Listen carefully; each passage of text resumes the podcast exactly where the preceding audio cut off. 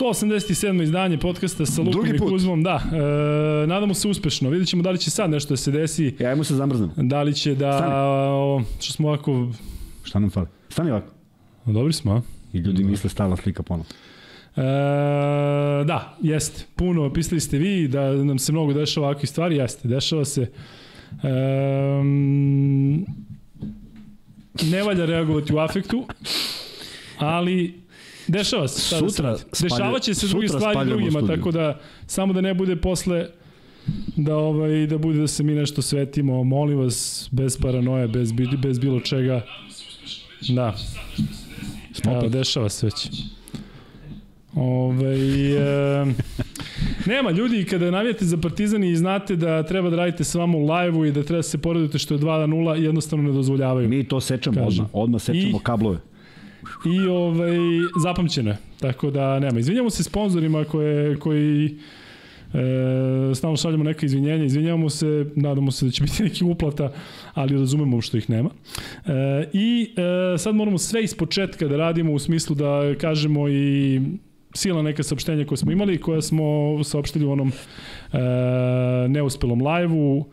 Piše naslov idemo live, ne idemo live, ali što bi rekli dešava se. naslovu, u- trebalo je da idemo live. Dešava se. Ja sam, kažem, ja sam, što bi rekao kum, ja sam ovaj, prilično sujeveran. Potpuno sada, evo, pozivam na primirje, pozivam na zdrav razum. Ali ako se desi još nešto, udarili grom u, u kablu ili nešto, onda ovaj, neću zaboraviti. I okrivit ću neki ljude koji nisu u ovoj sobi. Ali do tada, molim vas, A i ove, pružite- ko, i ove koji pružite- su u sobi tamo. Ne, ovo, ovo, ovo, I ovo, okrećemo, moramo ovo je neko da najpozitivnija energija moguće. Ali ovaj, e, za sada molim da prihvatite moju ruku primire i prijateljstva. Pa sve to radiš uz osmeh, to je divno. Tako je, da, zato što sam na, naučio da se ne radi u Ko afektu. te naučio to?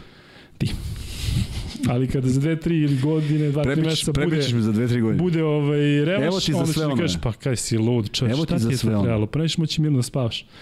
Ali dobro, mnogo je bilo da udaraca, da prljavih udaraca uh, u uh, košarkaškim utakmicama do sada i tako. Kuzma, ajde da mi stvarno sad bez zezanja saopštimo ljudima sve Ajmo što smo hteli, idemo ponovo. Prvo saopštenje je jako bitno, dakle ne družimo se u subotu, družimo se u nedelju. Izvinjavamo se još jednom zbog ovoga što se desilo, tehničke stvari, tehnički problem, bit će sve okej.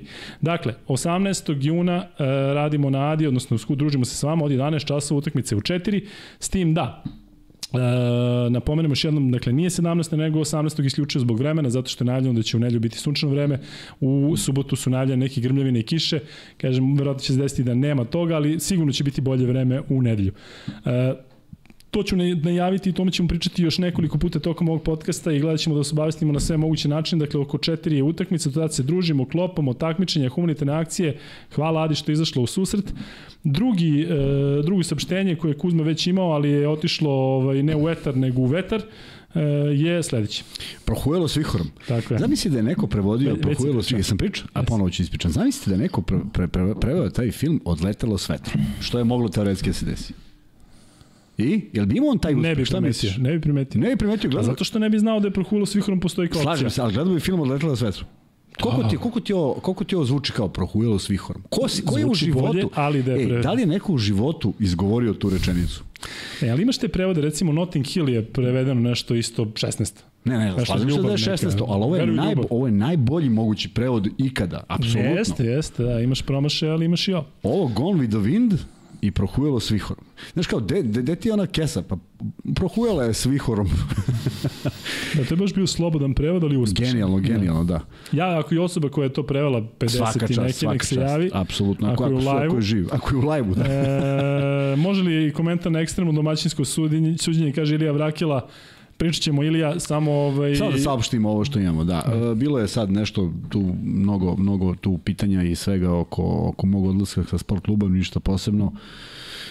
E, to sam planirao već neko vreme, o, kad se završila sezona nisam mogao da nađem vremena, to jest nije bilo zgodno za sastanak, najavio sam se, danas se to desilo, saopštio sam i tamo su rekli da je okej i to je to. U stvari nema neke prevelike misterije, moja odluka, a, ne bih obrazlagao ni zašto, ni kako, a naravno da mi je ovih 9 godina prošlo fenomenalno, mnogo toga sam naučio od svih tih ljudi pre svega od kolega novinara koji su imali uvek neku dobru sugestiju. Nećete verovati, ali gost koji je bio kod nas, Petar Jurišević, Žule je možda i bio neko ko je, ko je zaista shvatio da se nalazim na jednom novom zadatku i izašao sa neverovatnim predlogima Paja iz dabinga koje redko ko zna, koji majestralno radi posao, uživali smo u pravljenju onih klipova i naravno kolege i Srđan Radović kojim sam počeo i, i, i, i Ilija Kovačić i Darko Plavšić olakšali su taj posao, tako da bilo je to divnih 9 godina, idemo dalje, malo ćemo drugačije. Kosjerinu ne pominješ, a stavljaš ona je bila, ona je bila jako kratko, ona je bila jako kratko tu prvu sezonu Partizana i to ne, stvarno ne mogu da setim, mislim, ona je, ona je bila devojka koja počinje I da, ona je otvarala program u suštini, ali neki glavni prvi sagovornik je bio i to u areni, u hali Partizana, na, na tim utakmi i u Pioniru su igrali, tad sam dolazio i, i radio Partizan. Kažu, niko drugi nije smeo, nije mi bilo jasno zašto. E, lepe uspomene iz tog perioda i onda je Zvezda preuzela primat i onda sam radio Zvezdu. U svakom slučaju, devet lepih godina. I hvala svima na lepim rečima i na tome što ste napisali. Da, verovatno ste se navikli, ali bože moj, vrlo brzo ćete se navići nekog drugog i idemo dalje jer ćemo moći neke stvari možda da radimo vezano za podcast malo drugačije, ali o tom potom vidjet ćemo. Vidite kako je to koincidencija. Kuzma došao na sport klub, Zvezda preuzela primat. Sad odjednom nešto Partizan vraća primat, odjednom nešto se tu prekida. Da, ne, ne, nevjerojatno kako se to nekako... Pa ne, potri... sačekao sam da ne bude posla ove utakmice nego pre. Yes. Znaš. E, Kuzma, šal na stranu, e, lepo je bilo zaista slušati te i sarađivati sa tobom, ono malo što smo sam sport klubu vidjeli dva puta ukupno, što smo prošli jedan pro drugog, zaista Sa zdravo, zdravo. Da. Ljudi misle da smo možda, tamo... možda zdravo jednom, ovo jednom. A drugi put šta ovo, da, ko je ovaj? Da. Ali ovaj, e, hoću da ti kažem da, evo ljudi ovde isto pišu, kaže Kuzma postaje youtuber, da, to bi automatski trebalo znači da da, novo radno mesto je potpuno se potpuno se posvećuje 24 sata, ne samo da. ponekad. možda će znati da ubode ovu kako ovo, možda će bolje da barata život s Kuzmanovićem, live, život s da. Kuzmanovićem, kamera u da, stanu. Da, da, da, tako da kreće reality Luka i Kuzma eh, od tamo negde avgusta, na pola, septembra. Na pola ekrana, šta se dešava da. kod tebe, šta kod mene. Jasno. E, hoću da vam kažem još jednu stvar, a to je da ćemo imati naravno free betove. Ajde dođemo do 500 lajka, mada teško. Izvinjamo se još jednom, vidio sam odmah koliko su ljudi i prekinuli da ovaj da prate bilo je vas tu koji ste nam nudili razne one kodove, razne zezancije, ali jednostavno nije bilo mogućnosti za to zato što nemamo ovde nikakvu mrežu, a mi imamo drugačije mreže naše, pa ne može to na MTS ili već kako ide. U svakom slučaju dali smo sve od sebe, nismo se mnogo iznervirali, ali smo zapamtili i kažem, bit će sve ok, ne brinite ništa. E, tako da ono što hoću još da vam kažem jeste da ponovim ponovo i ponovo ću ponavljati za ljude koji hoće da dođe na Adu, dakle ne 17. nego 18. jun. Od 11 dakle, sati ćemo biti tamo mi i ranije. Zbog vremena. Montirat ćemo sve. Jedina stvar koja se razlikuje, to smo spomenuli u onom neuspešnom uključenju nepostojećeg 187. podcasta, što je to veče utakmica koju bismo volili da radimo ponovo, a ja onda ne znamo koliko će to moći da se izvede sve da bude jedno i drugo u nekom lajvu i da tu opremu možemo da koristimo, ali probat ćemo sve onako kako smo obećali. Najvažnije je da, mm, da znate da možete da dođete, bismo volili da dođu svi i, nema razlike od uh, onih koji imaju dresove, koji nemaju i onih koji nemaju dresove, a dresovi su kod mene, dobit će ih nadi, tako da bismo svakako voleli da svi vi dođete da se družimo i biće nam zabavno, biće muzike, biće i posluženje. Da, stvarno biće... Ultra stoji za toga, tako da će organizacija biti dobra, ne, neće biti problema kao što, što inače ima, tako da bez brige sve će biti pod konac, samo da nas vreme posluži, a sigurno će nas poslužiti zato što meteorolozi koji su uvek e, da, javljaju svaki, svaki da. sekund, zato ja proveram telefon. Non stop da evo dobijamo notifikacije kako se menja, ali što je najgore izgleda da će se pomeriti to vreme sa subote na petak, da će u subotu biti bez padavina, ali u nedelju će definitivno biti više sunce. Mislim da je čak idealno neki 23, 24, 25 stepeni. Nema, nema bolje. Bez nekog tako da nedelja. Suv teren. Hvala Adi što će, što će da nam uzađe u susret da to pomerimo. Zaista su fantastični svi koji rade tamo i um, gospodin Jovke i gospođa Vaki, svi ja da, da, da, da ne da kažemo, da ne, ne, da im ne kažemo možda Miće da se sakri. Da, tako da sve u svemu ljudi, uh, okrećemo se uskoro naravno ovom derbiju, ali do tada smo hteli da vam kažemo da uh, dakle Kuzma je završio sa sport klubom, utakmica se prebacuje sa uh, 17. na 18. i evo, radimo barem sada ovako ovaj 187. podcast. Ja ne znam da li će se kasnije ono spojiti sa ovim, ne znam kako to sad ide. Ne, ne, to. ništa, izbrisali smo Znači sve. ono sve što smo Fić. pričali, ono... Ko je gledao, taj je srećnik, znaš. Da, ali dobro je kad navikneš, strašnu uspomenu. kada navikneš da radiš ovo, tako bez veze i da ne ide to, onda ti nekako ovaj, bude ti okej. Okay. Nije ono, znaš koliko smo radili ono, E, toliko puta smo pričali pa smo se ponavljali pa niste čuli pa Pa da, ovo, pa nema veze. baš ekstra. Ma da. Tako da Pa nema čak će bolje. mi nedostaje. Pa realno nema bolje. Da, nema bolje. U svakom slučaju ovo što se tiče Kuzme i sport kluba, kažem, trebalo bi da utiče dobro na podcast, da se malo više podsjeti, po, posveti, Evo, već, da, već je tako da malo krenulo. više prati NBA i tako. E, to je to što se tiče ovog podcasta, ne znam šta vam kažem.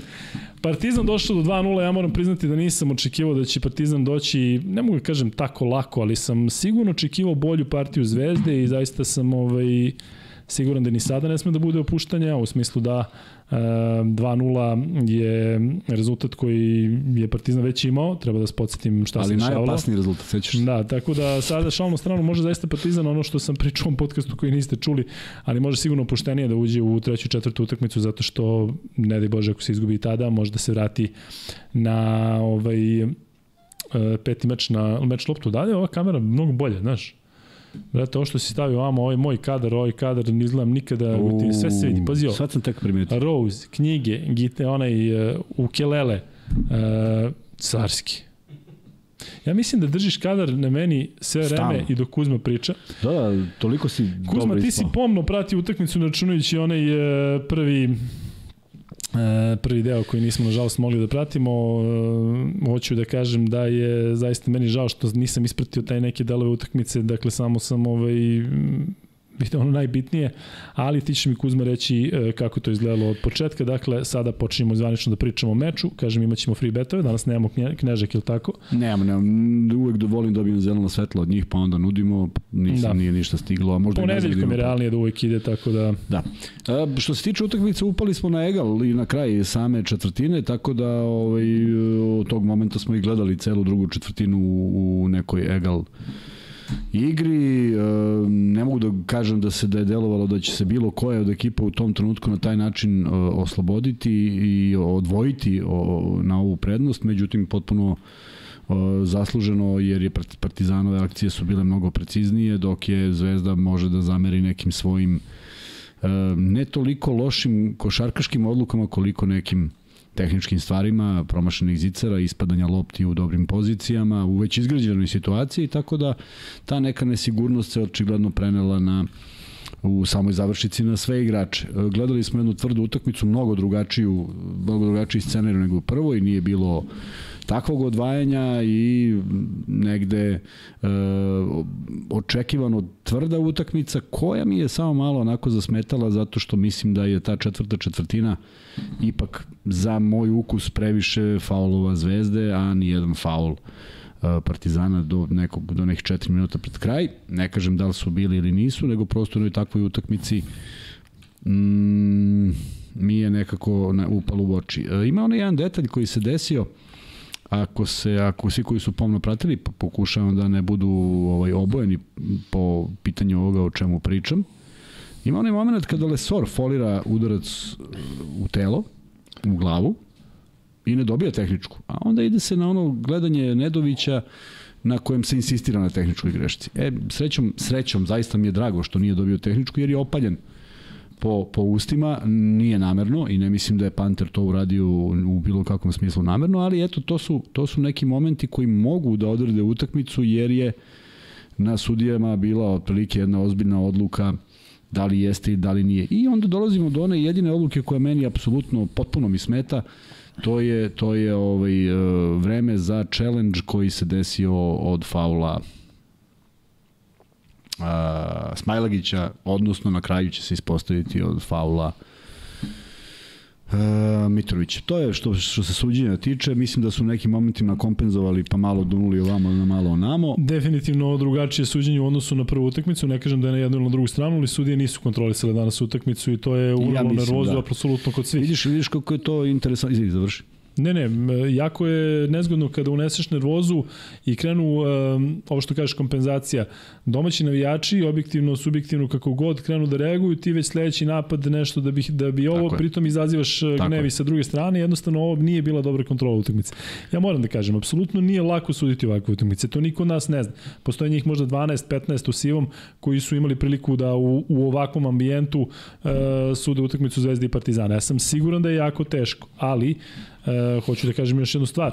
To mora da bude bolje, zato što tih sudija mnogo zavisi. Ne mislim samo na rezultat, već, već mislim i na neke stvari e, koje su se desile u smislu sada se zahuktalo, sada su tenzije veće, sada je bitnija utakmica nego ona prva posle koje imaš.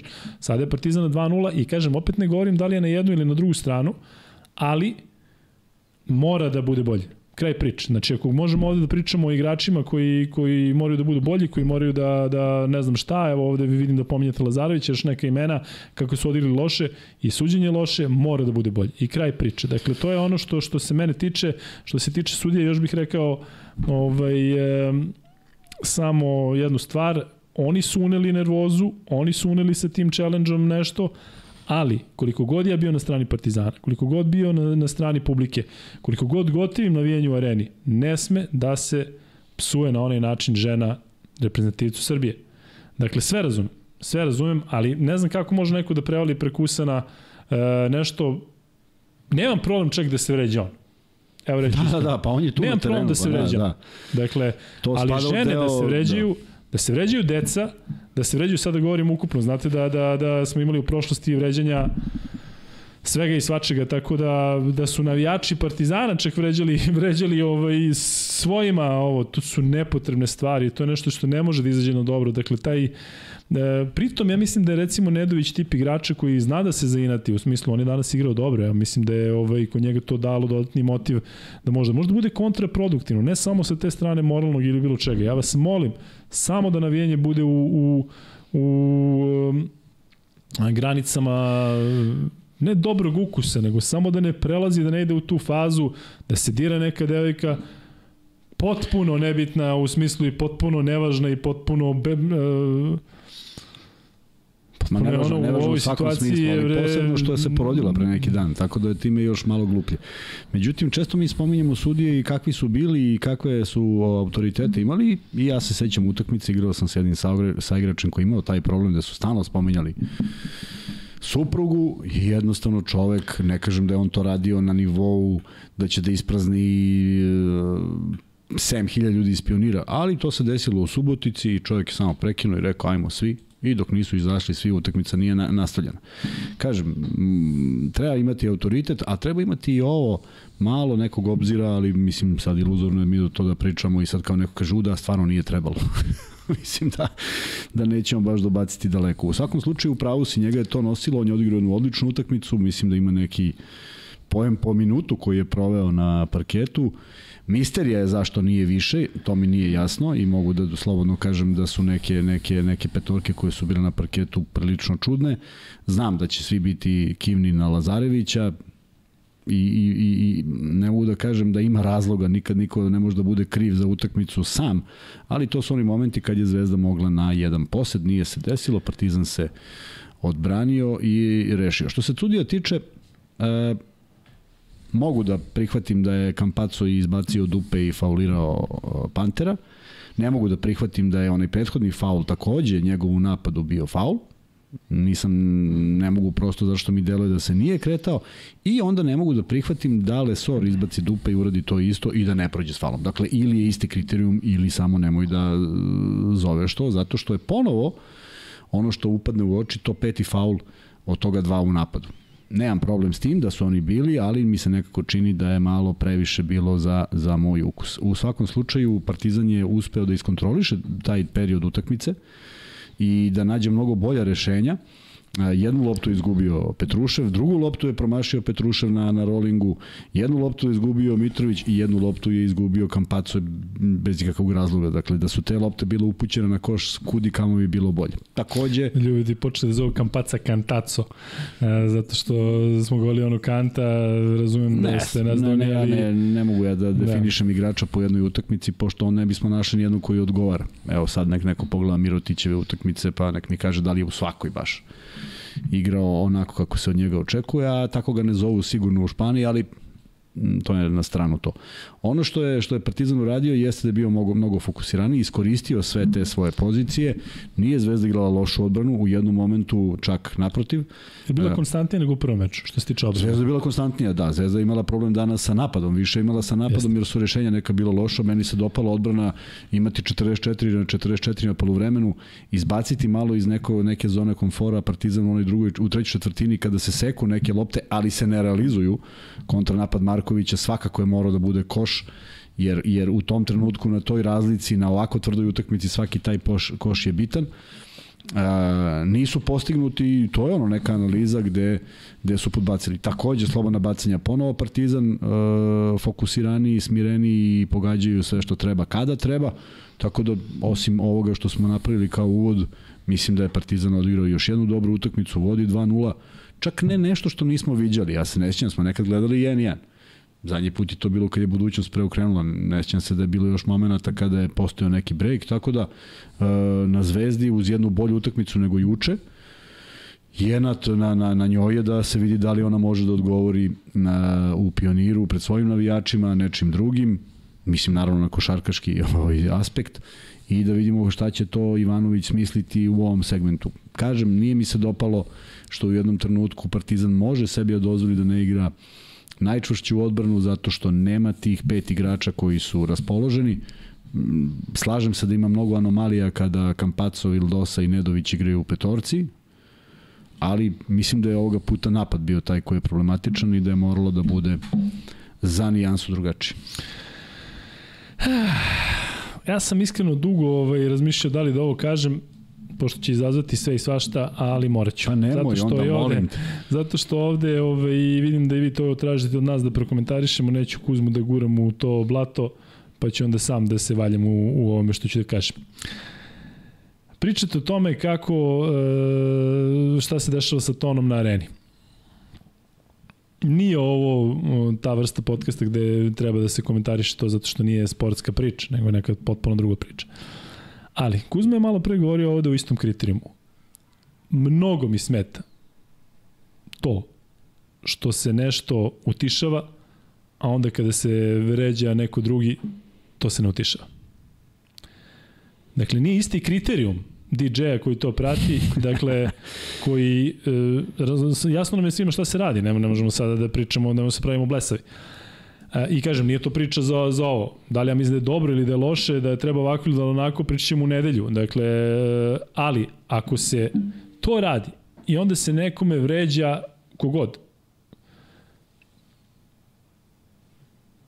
to ne razumem. Nešto ozbiljno nije u redu. Samo, samo kažem da to ne razumem. E, zvezdini navijači su sigurno sada pod onako da kažem e, pritiskom koji ide iz nekog besa i svega. Ja molim da ne bude da ne bude odgovora ovog tipa. Ja sam siguran da će biti vređanja pre svega Lesora, da će biti vređanja i drugih igrača Partizana koji su se možda zamerili Zvezdi na način na koji je to zapamćeno. Ali e, molim vas da u trećoj utakmici bude u granicama normalnog, zato što su igrači već prilično, prilično elektrisani. Vidimo razliku između prve i druge utakmice i e, kažem, ako je moguće da iz svega ovoga izađemo svi zadovoljni u smislu košarkaški, da je prošlo sve kako treba, to je bilo jako lepo. E, ja moram da kažem da, da e, sam ponosan na Partizan što je uspeo da izađe iz krize, ali moram reći da imam veliki respekt prema Crnoj zvezdi zato što ti momci apsolutno nisu krivi. Niko ne može da kaže da, da su oni krivi za to što je rasport bio takav da oni 40 dana nemaju utakmicu, nemaju pravog protivnika. Dakle, zvezdini protivnici ni prilično nisu ravnopravni ni Zadar, ni budućnost, ni FNP. To, su, to je šest utakmica gde je Zvezda igrala na 50%. Zvezdu ne znamo na 100% protiv jakog tima zato što su jednostavno ušli sada u ovo sa Partizanom u Jurnjevu, što je jednostavno za njih nepoznata situacija. To je tim koji se uigrao na treningu, ali koji mora da se uigrao na utakmice. Kuzma, ajde nam reci iz, iz igra, iz ugla igrača. Vi sada da se, da se, da se šest meseci treniraš sa najboljih 12 igrača koji ti možda izabereš. Da, nije, I da nije se uigravaš, uigravaš i da ste najuigraniji. Koliko to nema nikakve veze kad izađeš na teren, koliko ti treba ta uigranost na samim mečevima, sa navijačima, sa suđenjem, sa svim ovim dešavanjima. Nije moglo sigurno da mi se dešava ovo na, na treningu, da, da imaju neke, neke stvari kojima su nezdobni. Ne možeš, ne možeš da se uigraš iz prostog razloga što mnogo zavisi od reakcije. Ne, ne reaguje ovih pet sa kojima treniraš isto kao što će reagovati onih pet u nekoj taktičkoj zamisli, tako da svakako nije isto.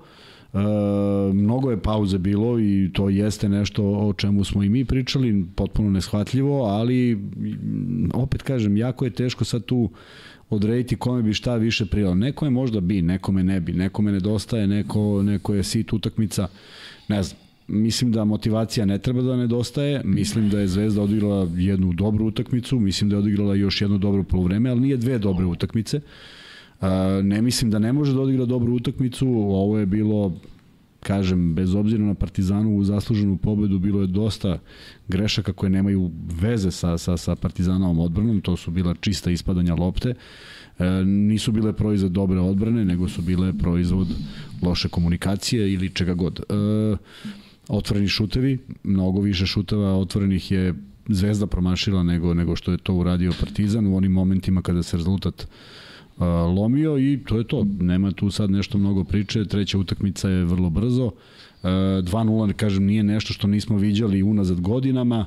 2-0 ne sjećam se da je, da je, da je bilo ikad pa i drugačije, da nije, ne mogu kažem dostižno, ne, ne, ne sanjam ja sada Zvezda može da ubaci u neki drugi ritam i da pobedi tri utakmice, ali nešto opet može da se izvuče iz svega ovoga i da probaju da pred svojim navijačima ipak poboljšaju utisak. Nije neizvodljivo, Zvezda je prošle godine imala vodstvo od 2-0, Partizan je pobedio naredne dve vrlo jednostavno, prema tome uh, vidjet ćemo šta nas čeka, neću da prejudiciram, ne mogu da zamislim sada posle ovih 2-0, 2-2. Naravno da ne mogu da pričamo o petoj utakmici kad nismo videli ni treću, ali nešto će biti jasnije i vidjet ćemo uh, kako, koliko je to pogodilo igrače Zvezde, pošto je, na primjer, Nedović bio u potpuno drugačijem modu danas nego utakmicu pre.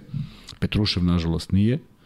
Uh, svi ostali na neki način jesu, Mitrović nesigurno u nekim stvarima, Petrušev dodatno nesiguran, Bentil koji je postigao svoje pojene iz ofenzivnih skokova, što nismo baš nešto često viđali, Vildosa koji je definitivno nedostajao na prvoj utakmici, Kampaco koji je malo ispod nekog svog nivoa, tako da vidjet ćemo šta su spremili za nedelju. Ja ću danas da budem prilično direktan u svemu što govorim, pa ko da ide, nek ide. Dakle, ja moram da kažem da sam najneprijatniji iznenađen u, u igri Crvene zvezde, dakle, Kuzma sam kaže, Nedović je danas bio u ritmu, ali za Nedovića smo navikli da budu u ritmu, pa ne budu u ritmu. Navikli smo slično i od Kampaca i od Vildose, da ne kažem da su to divlji. Ni Petrušev nas nije ove sezone ubedio da može da igra u kontinuitetu, tako da kažem nije da i njegove neke. Ali moram priznati da sam očekivao više od Luke Mitrovića, zato što smo tog momka ovde imali prilike da ugustimo. To je jedan fantastičan momak i fantastičan košar košarkaš. Prva utakmica, 2 od 6 iz igre, dosta nekih, hajde da kažem, loših, loših e, poteza, iako je bio možda on iznerviran nekim situacijama, nekim možda sudijskim odlukama i moram priznati da sam očekivao reakciju, tako da je za mene, eto kada uzmete recimo u obzir i Dobrića i Dobrića ove sezone, zaista neko ko, ko ne možete kažete, garantujete da kad mu ide lopta u ruke da je to sigurno za zvezdu. Šta više, e, puno oscilacije što je normalno, ali Luka Mitrović je bio najkonstantniji. Da li je tu došlo do umora? Ja se plašim da možda ima i neki drugi stvari. Mnogo se priča, kuloarski priče o tome da li ostaje, da li ide ugovor, koliko šta, možda mu je to nešto što mu je napravilo opterećenje, ali zaista mi je žao zato što je on, e, za mene on je jedan od najkorisnijih igrača Euroligi. Ja da sam trener, da sam generalni menadžer e, bilo kog kluba i da je on slobodan, ne bih prvo gađao njega, zato što znaš šta od njega možda očekuješ na terenu, znaš da ne komplikuje puno, znaš da igra košarkaški. Mi smo bili da ne preterujem sada u patetici i teatralnosti i sa izrazima, ali smo bili očarani kada smo gledali izbliza onu, onu prvo polovreme protiv budućnosti tamo. Da, da, da. Dakle, to je sve bilo toliko lagano, on ima yes. neki 16 ili 19 pojena, možda za manje od 10 minuta u igri i uvek na pravom mestu. Dakle, vidite kako dobro reaguje, ima te problem sa linije slobodnih bacanja, samo ta tehnika je čudna, to bih voleo da, da je bolji, voleo bih da ima neki šut. Jako zma, ako se sećamo ono, onom prvom odmanu, on je čovjek šutirao, šutirao za tri. Da, da, pa promeni se to i ako sećaš i Tomašević je prvo u Zvezdi šutirao, pogađao, pa onda malo yes. u Partizanu i onda više nikad. Tako da nešto se desi, ne, neka, neka korekcija u šutu, neka psihološka barijera, sam Bog zna, ali ja ne bih predavao toliko značaja. Mislim, zaista, možda, možda si potpuno u pravu da se od njega očekivalo više, ali nije ni on neki robot koji treba da igra na tom nivou. U krajnjem slučaju, u, na toj poziciji Zvezda bi morala da, da, ima, da ima prednost zato što je u brojčano jača. Međutim, ovaj, nije se desilo nisu iskoristili tu prednost. Mnogo je bio zatvoreniji reket u toj četvrtoj četvrtini. Izostajali su prodori zvezde koji su odjednom došli onim lucidnim asistencijama pred kraj kada je Obradović morao da traži posle šest uzastopnih lakih poena je tražio time out, ali izostalo je zato što je Partizan bio van bonusa to je za neku analizu, možda je stvarno i nije bilo takvih ovaj, kontakata i faulova koji su proizvodili izvodili kod sudija da, da, da dunu, ali Ako jeste, onda moraju da pristupe drugačije i da nađu rešenje. Zašto je kapital Partizana osim poena bio i tih ta mogućnost da ako se sećaš Kampaco kad kreće da bi dao neki koš, Madar pravi odličan faul i onemogućava ga da poentira u vrlo bitnim momentima. E, moramo da postavimo ovo pitanje zato što vidim da vi volite da se igrate sa tim i moramo da ispoštujemo dosta vas koji komentarišu ovo. Ja neću da odgovaram na ovo gde su bolji komentatori zato što sam i tu subjektivan i ubeđen sam da sam u pravu, možete da, da shvatite na koju stranu naginjem, ali stavi molim te da se igraju ljudi zato što vidim da mi je to interesantno. Gde mislite da su bolji komentatori?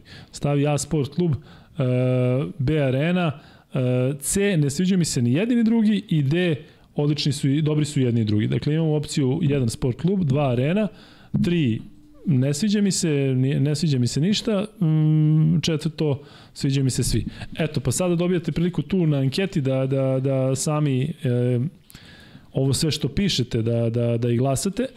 E, Kuzma, Partizan na stranu Zvezdine i problem, ja mislim da je Partizan zaista fantastično odigrao ovih e, 80 minuta i ono što, mislim na prvu i na drugu utakmicu, dakle ono što se meni posebno dopada i što mi onako uliva nadu da je ovo zaista mm, jedna ekipa koja onako ozbiljno gura napad, napred, evo još jedna, još jedna utakmica do kraja sezone, ih, jedna pobeda ih deli. E, Partizan je uspeo da se izvuče iz ozbiljnog šoka protiv Reala, da uz malo sreće prođe derbi, što niko nije verovao da će se igrati u tri utakmice, posledno da će prve dve biti onakve, taj poraz protiv CDVita Olimpije, ali čini mi se da su to kiksevi koji su, mogli, koji su mogli sebi da dozvole da sad ipak imaju mnogo bolji fokus i na klima navijača to zaista deluje kao jedno teško pobediva ekipa na, na gostovanju i čini mi se da je to onaj mod iz Evrolige i završnice sezone Evrolige na stranu što se dešavalo posle 2-0 protiv Real Madrida, gde je Partizan zaista delovao kao preozbiljan tim.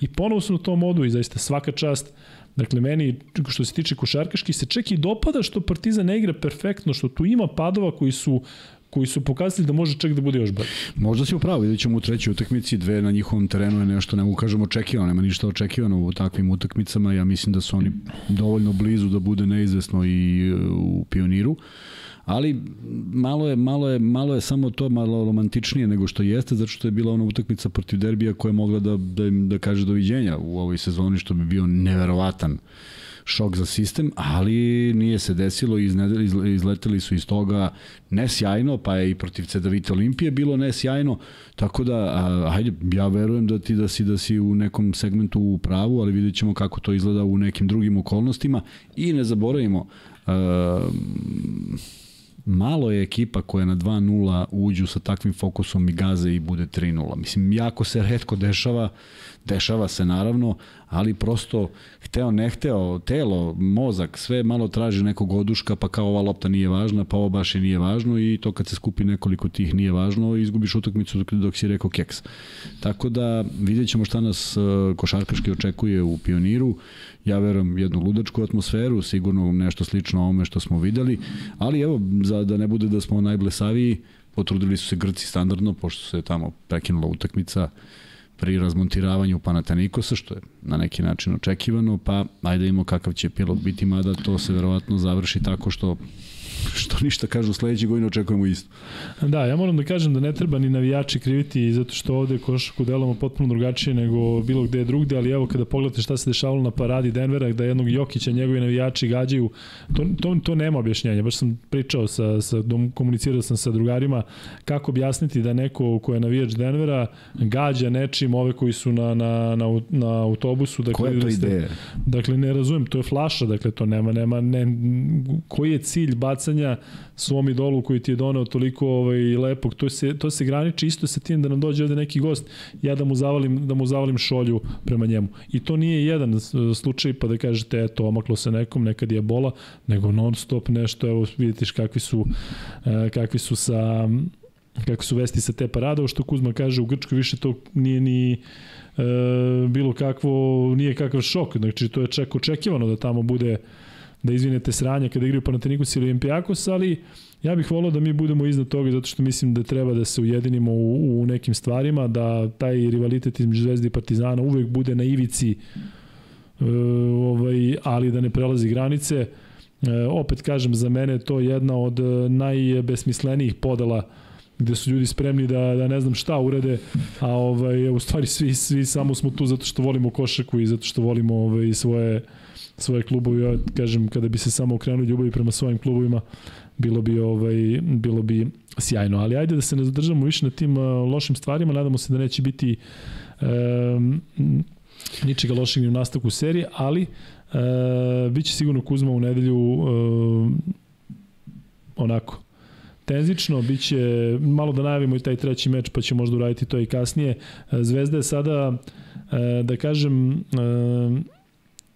na konopcima, dakle nema više prostora za kik, sve mora da se, da se odredi kako treba. Ja mislim da Zvezda ima uh, igrači, ima kvalitet, ako imaju navijače na svojoj strani, da oni za početak mogu da dobiju ove dve utakmice, da se dođe do 2-2, a onda je moment na njihovoj strani sve otvoreno. A vidi, desila se neka bizarnost, sad mi šalju svi kažu da je bilo neko pitanje na konferenciji na štampu gde su objasnili Ivanoviću da je već pobeđen, tako da vidim da je reagovao onako prilično zbunjeno i ne znam ko je ovaj izvalio to pitanje, ali kod nas valjda je sve dozvoljeno.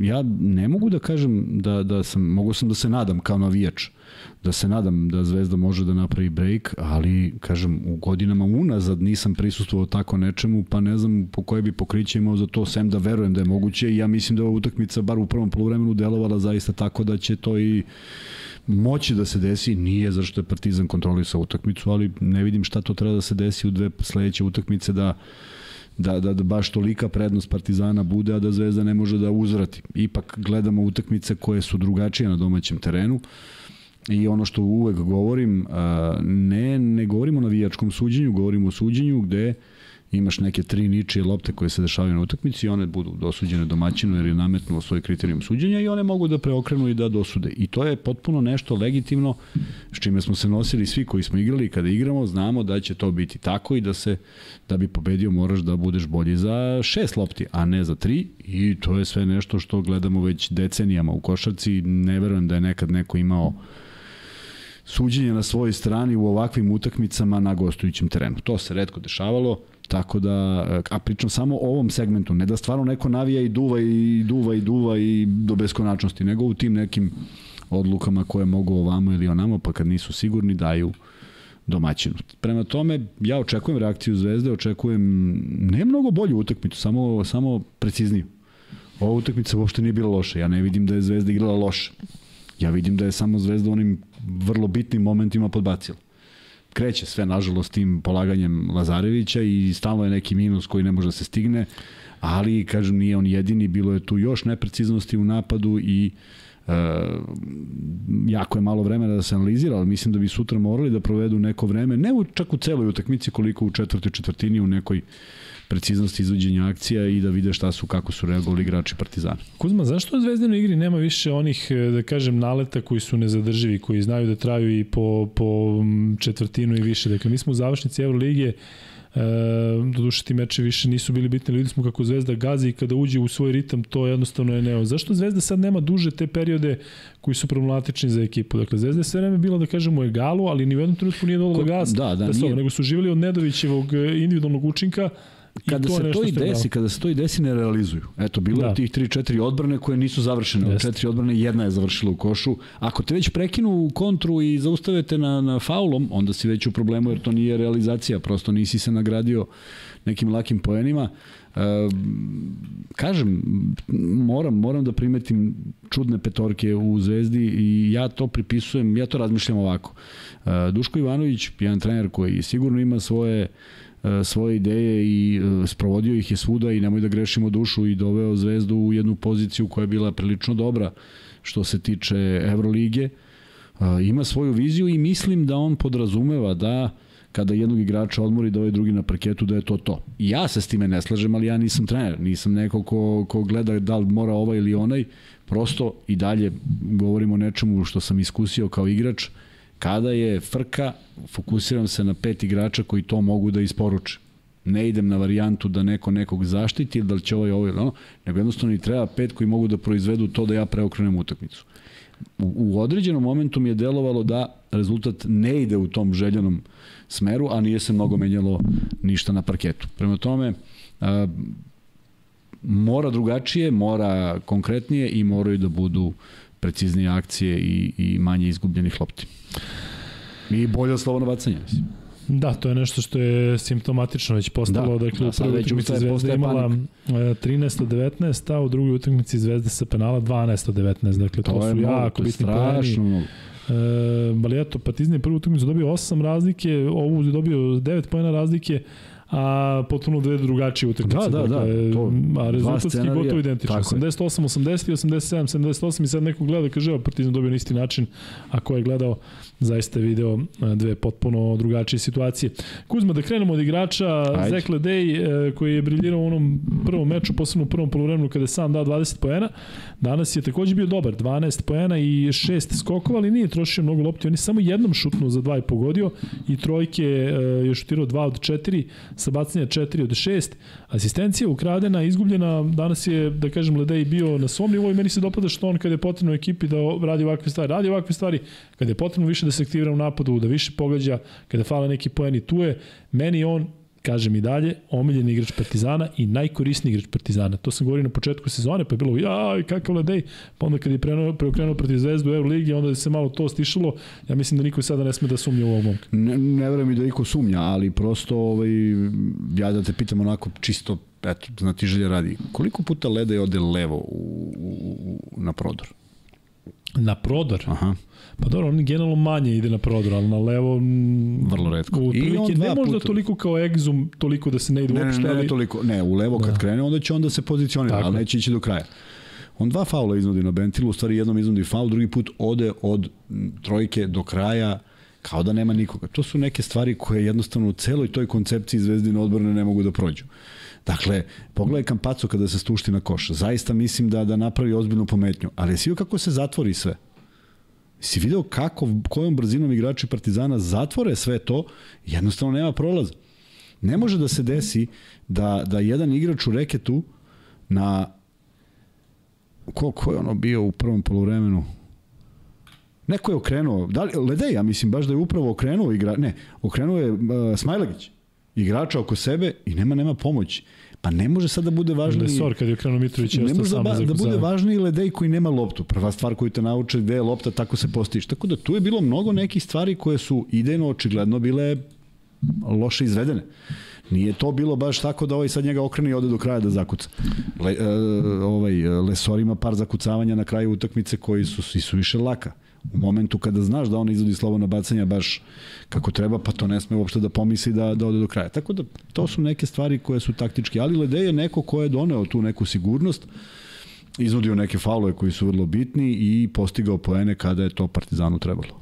Panter takođe dobar, ne na onom nivou iz prve utakmice, dakle on i Ledej su bili slabiji, napadački, ali nisu trošili mnogo lopti. Evo, Panter ima 2 od 5 za 2 i 2 od 4 za 3, 3 od 3 sa penala, dao je 13 poena, ima dva skoka, dve asistencije, dve izgubljene, njegov indeks je 14, inače Lede ima najveći indeks u, u ekipi Partizana, ali Kuzma i Panter je danas isporučio kad je bilo potrebno. Kad je bilo potrebno, tako je. I, nije, i da, da se ne, ne lažemo, nije da nije silovao, nego jedno vreme nije bio na parketu, zato što je to što je Obradović imao na parketu davalo rezultat i onda nema razloga za nekim e, pomeranjem e, u onim periodima kada su čak i komentatori konstatovali da, da nema Pantera, ali Partizan je imao tih 4, 5, 6, 7, 8 pojena razlike i to jako dobro koristio. Prema tome, um, nemam, nemam, nemam šta da zamerim njegovoj igri, osim što onaj deo koji, koji nismo gledali ne mogu da da pričamo o njemu, nisam, nisam prosto video taj početak utakmice. Mislim da je bilo najzanimljivije da pričamo o tom delu koji nismo gledali. Da, to bi bilo, ali, ali da onako potpuno da se posvetimo o tom. Alen Smajlegić, rekao bih, fantastičan. 15 uh, poena, 7 9 iz igre, ponovo sve. neka zakucavanja. Ljudi nisu svesni kako ta neka njega, njegovo zakucavanje podižu samo, ne samo njega, već i saigrače i atmosferu u dvorani, zato što on zaista to radi na fantastičan način. Lesor jako lepo zakucao, međutim Smiley kad se odrazi onako van reketa sa strane, sa skakačke pozicije, ono zaista deluje impresivno.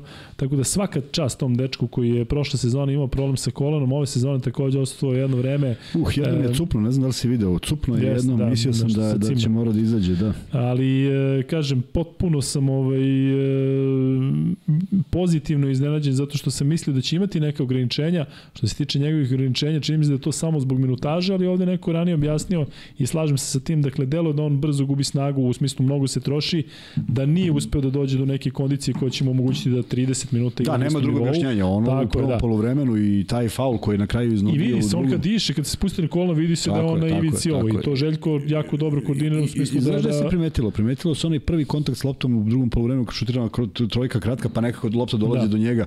Vidiš da nije, da nije, da nema, da nema daha, a bio je odmor. Tako da sigurno postoji razlog zašto on nije uh, duže na parketu, ali ono što je uradio i ta neka, taj neki broj poena i procenat realizacije je bio zaista ovaj, e, vrlo bitan za Partizan.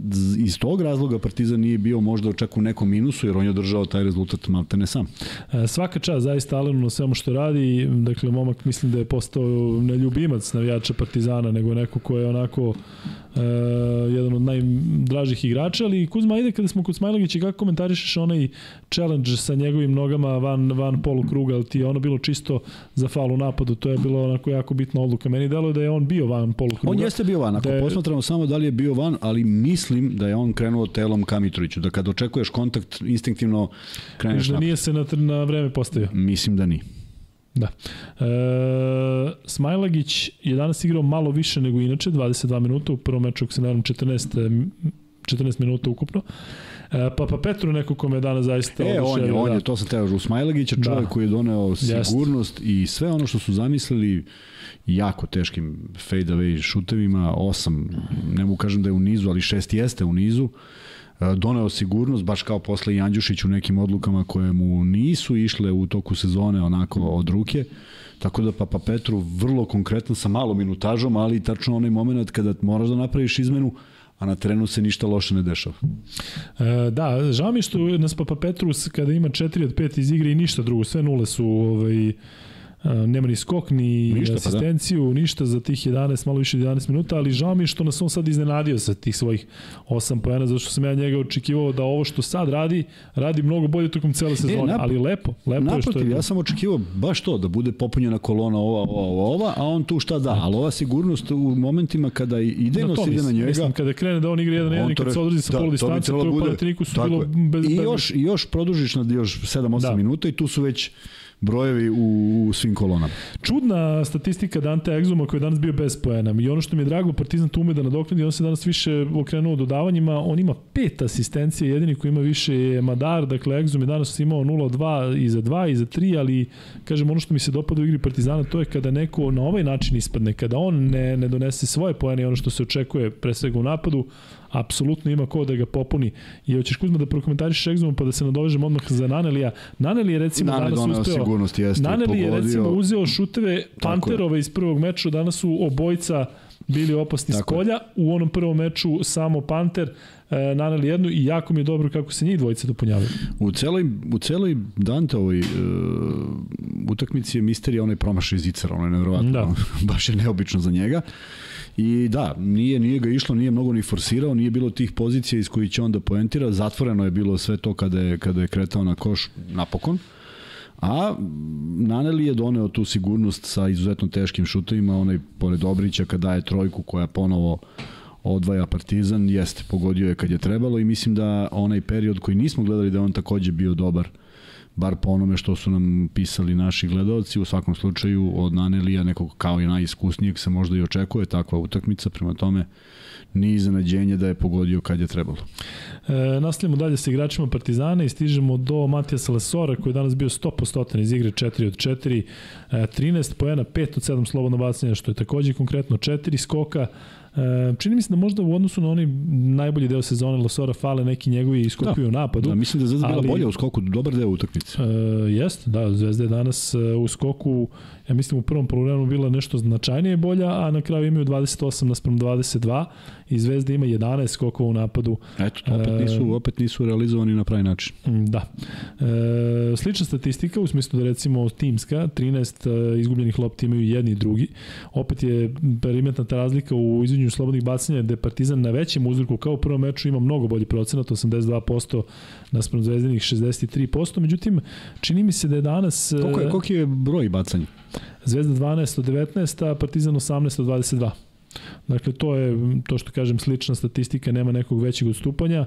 E, Partizan imao bolji šut za 2 i jednak procenat šuta za 3, ali na različitom uzorku.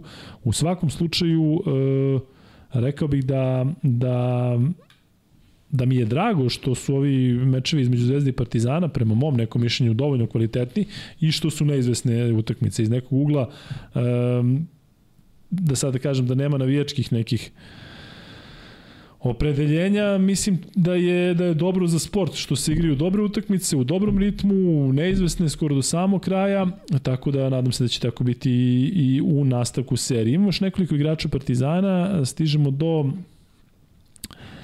Jama Madara, koji je danas bio zaista dobar, imao 7 poena i 7 asistencije, pogodio onu jednu jako bitnu trojku, to je njegova jedina, kada meni se činilo, kada je šutno sa desnih, 45 stepeni na ovom desnom košu, kako je lopta išla, čini mi se da išlo, da išlo u levo, međutim ona nekako ostala u košu. Madar ima neku sigurnost koju nije imao tokom sezoni. Sećate se da sam ja bio prilični prilično kritički nastojen prema njemu, međutim, e, rekao bih da taj dečko sazreva, što je sasvim normalno za jednog mladog igrača koji ranije nije igrao nikada, ni približno na ovom nivou. Bilo je dobro da u tom Evrokupu prođete neke dečije bolesti, ove sezone je rastao tokom e, godine i vidi se da i Željko ima mnogo više poverenja u njega, što se vidi naravno i po današnji minutaži 20 25 minuta, tako da Kuzma što se tiče Madara, to deluje sve bolje i bolje. Sve odlično i onim momentima kada se ne zna. Znaš da je bilo onih momenta kad ranije nije znao gde, šta, Jeste. kako, pa neka brzancija. Ne, sada izbaci igrača, sačeka, strpljivo i one neke polu distanca, to je već distanca dvojke koje su ušle su u stvari, znaš, poremetete jer je 22. sekund uradio si sve nekada bi ubrzao, uleteo u reket u nekoliko igrača, pa odande tražio pas, nekako je pojednostavio igru, nađe dobro rešenje, šutno i što je najvažnije za Partizan pogodi. A padao je tokom sezone u drugom poluvremenu i Željko ga je čak jedno da, vreme da. onako u prvom igre skoro celo poluvremenu, u drugom jedva i... malo, međutim sada se to promenilo. Jeste, i... ali i Egzom nije bio na svom nivou, pa je prosto da. morao da bude. Volao bih da znam kakav je plan za Madara, kakav je njegov plan, dakle da li koliko računa Boston na njega, kakve su njegove ambicije, da li bi volao da se vrati u Izrael, ali iskreno nakon svega što sam video ove sezone, ne mogu da kažem da sam se ogrešio Madara kada sam pričao, jednostavno sam želao bolje. Želao sam ovo. U najboljoj, najdobronamernijoj želji sam se nadao da će on sa te pozicije pleja da iskoristite fantastične fizičke predispozicije, dakle jedan nekarakteristično građen play, kada i, i Kampaco je nekarakteristično građen, kada pogledate Kampaca kakav je, sav onako mišićima, nizak, jak, cool, kuca na zemlji, kada pogledate Madara koji deluje bukvalno ono kao da se isteže 16 sati dnevno, ovaj, e, ali jednaku energiju čini mi se imaju dobri i lepo je gledati i njihove duele. I što se tiče Kuzme, Kuzma posljednjeg igrača Partizana koji je danas igrao, to je Danilo Andjušić. Jako mi je drago što je Danilo danas posle onog prodora i uz još neke poene sa penala, kada iznudi onaj faul, pokazao da čini mi se i on dobio na sigurnosti sigurno četiri poena za 13 minuta nije nešto do, što treba da padamo u nesvest, ali znajući koliko se muči ove sezone, koliko nije ni igrao, njegov doprinos je jako bitan da Partizan ima još tog jednog igrača na da, kojeg može da računa. 10, 15, 20 minuta, koliko god. Apsolutno, slažem se i ovaj, uneo je neki neku ideju u onom momentu kada se to nekako tražilo u smislu nimo kod organizuje igru, pa je on preuzeo to i ovoga puta je ispalo mnogo konkretnije i bolje. I bez nekih e, gafova u napadu, onim lošim dodavanjima što je nekako uvek ostane u sećanju, prema tome dobra rola, ne verujem da je on zadovoljan i prezdovoljan, ali u, kada se pobedi prosto ne može da tražiš više. E, možemo da ugasimo ovaj pol gde već imamo 1300 glasova, ljudi imamo 2000 ljudi u lajvu, ajde da dođemo do tog 500 lajka pa da krenemo da pucamo free betove, biće zanimljivo, igraćemo se danas, imaćemo zanimljiva pitanja. E, da vidimo kakva je situacija dakle sa ovim polom, dakle gde su najbolji komentatori, Arena Sport 14%, Sport Klub 62%, jedni drugi su odlični 11% i nikome se ništa ne svilja, ni jedni ni drugi ništa ne valja. 204%. To je 13%. Tako da to je otprilike u skladu sa ovima što ste komentarisali u četu e, i to je to što se tiče ovog pola. Možemo da stavimo novi pol, da stavimo novi pol, one koji klasično imamo, da vidimo od ovih 2000 ljudi koliko ima jednih, koliko ima drugih. Dakle, klasika za koga navijate. Jel možeš ili treba ovo da... Hm? Aha. Pa dobro, ali hoće da se vrati, a? Trebalo bi mi šifra koju nema. Aha. Zašto? Za kompjuter? Za YouTube. A. Pa ti sad to nešto onemogućava tu da radiš još nešto sem pola? Da. Da. Dobro, ostaje onda ovaj pol, šta da radimo, uh, bit će bolje. Uh,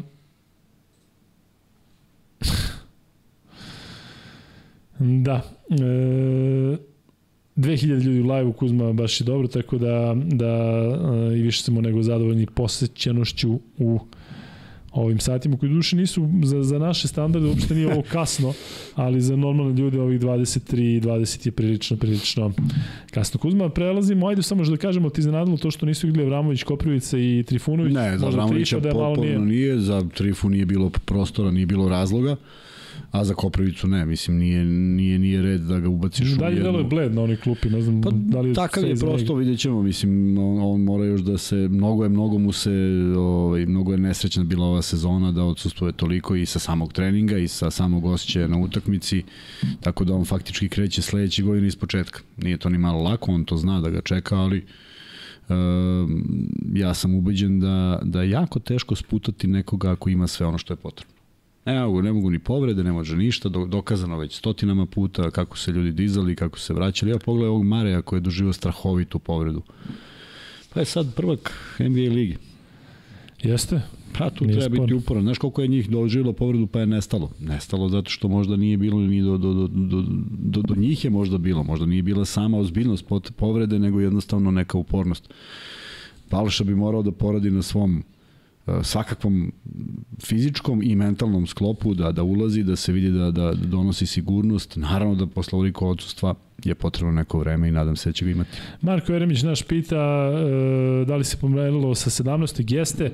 Marko nisi bio tu sa nama u podcastu koji je ostao neviđen, nisi bio sa nama na početku. Dakle, u, od 11 sati se družimo 18. u nedelju nadi. Dakle, ne u subotu zbog kiše, najavljena je kiša, već u nedelju će biti mnogo bolje vreme. Ada nam je dozvolila dakle, da koristimo i taj drugi dan, odnosno samo taj drugi dan, zato što nije ništa na tom tartan terenu e, bilo u planu, odnosno nije zauzet, tako da ljudi vidimo se na Adi, pa pričamo o svemu ovome o čemu pričamo ovde, pričamo sa vama Biće zaista zadovoljstvo da vidimo ponovo neki od vas, da vidimo prvi put neki od vas, tako da svi vi koji ste najavljivali dolazak, nadam se da, će biti, da ćete biti tu, moćete i međusobno da, da se upoznate i naravno igraćemo tu utakmicu između belih i crvenih.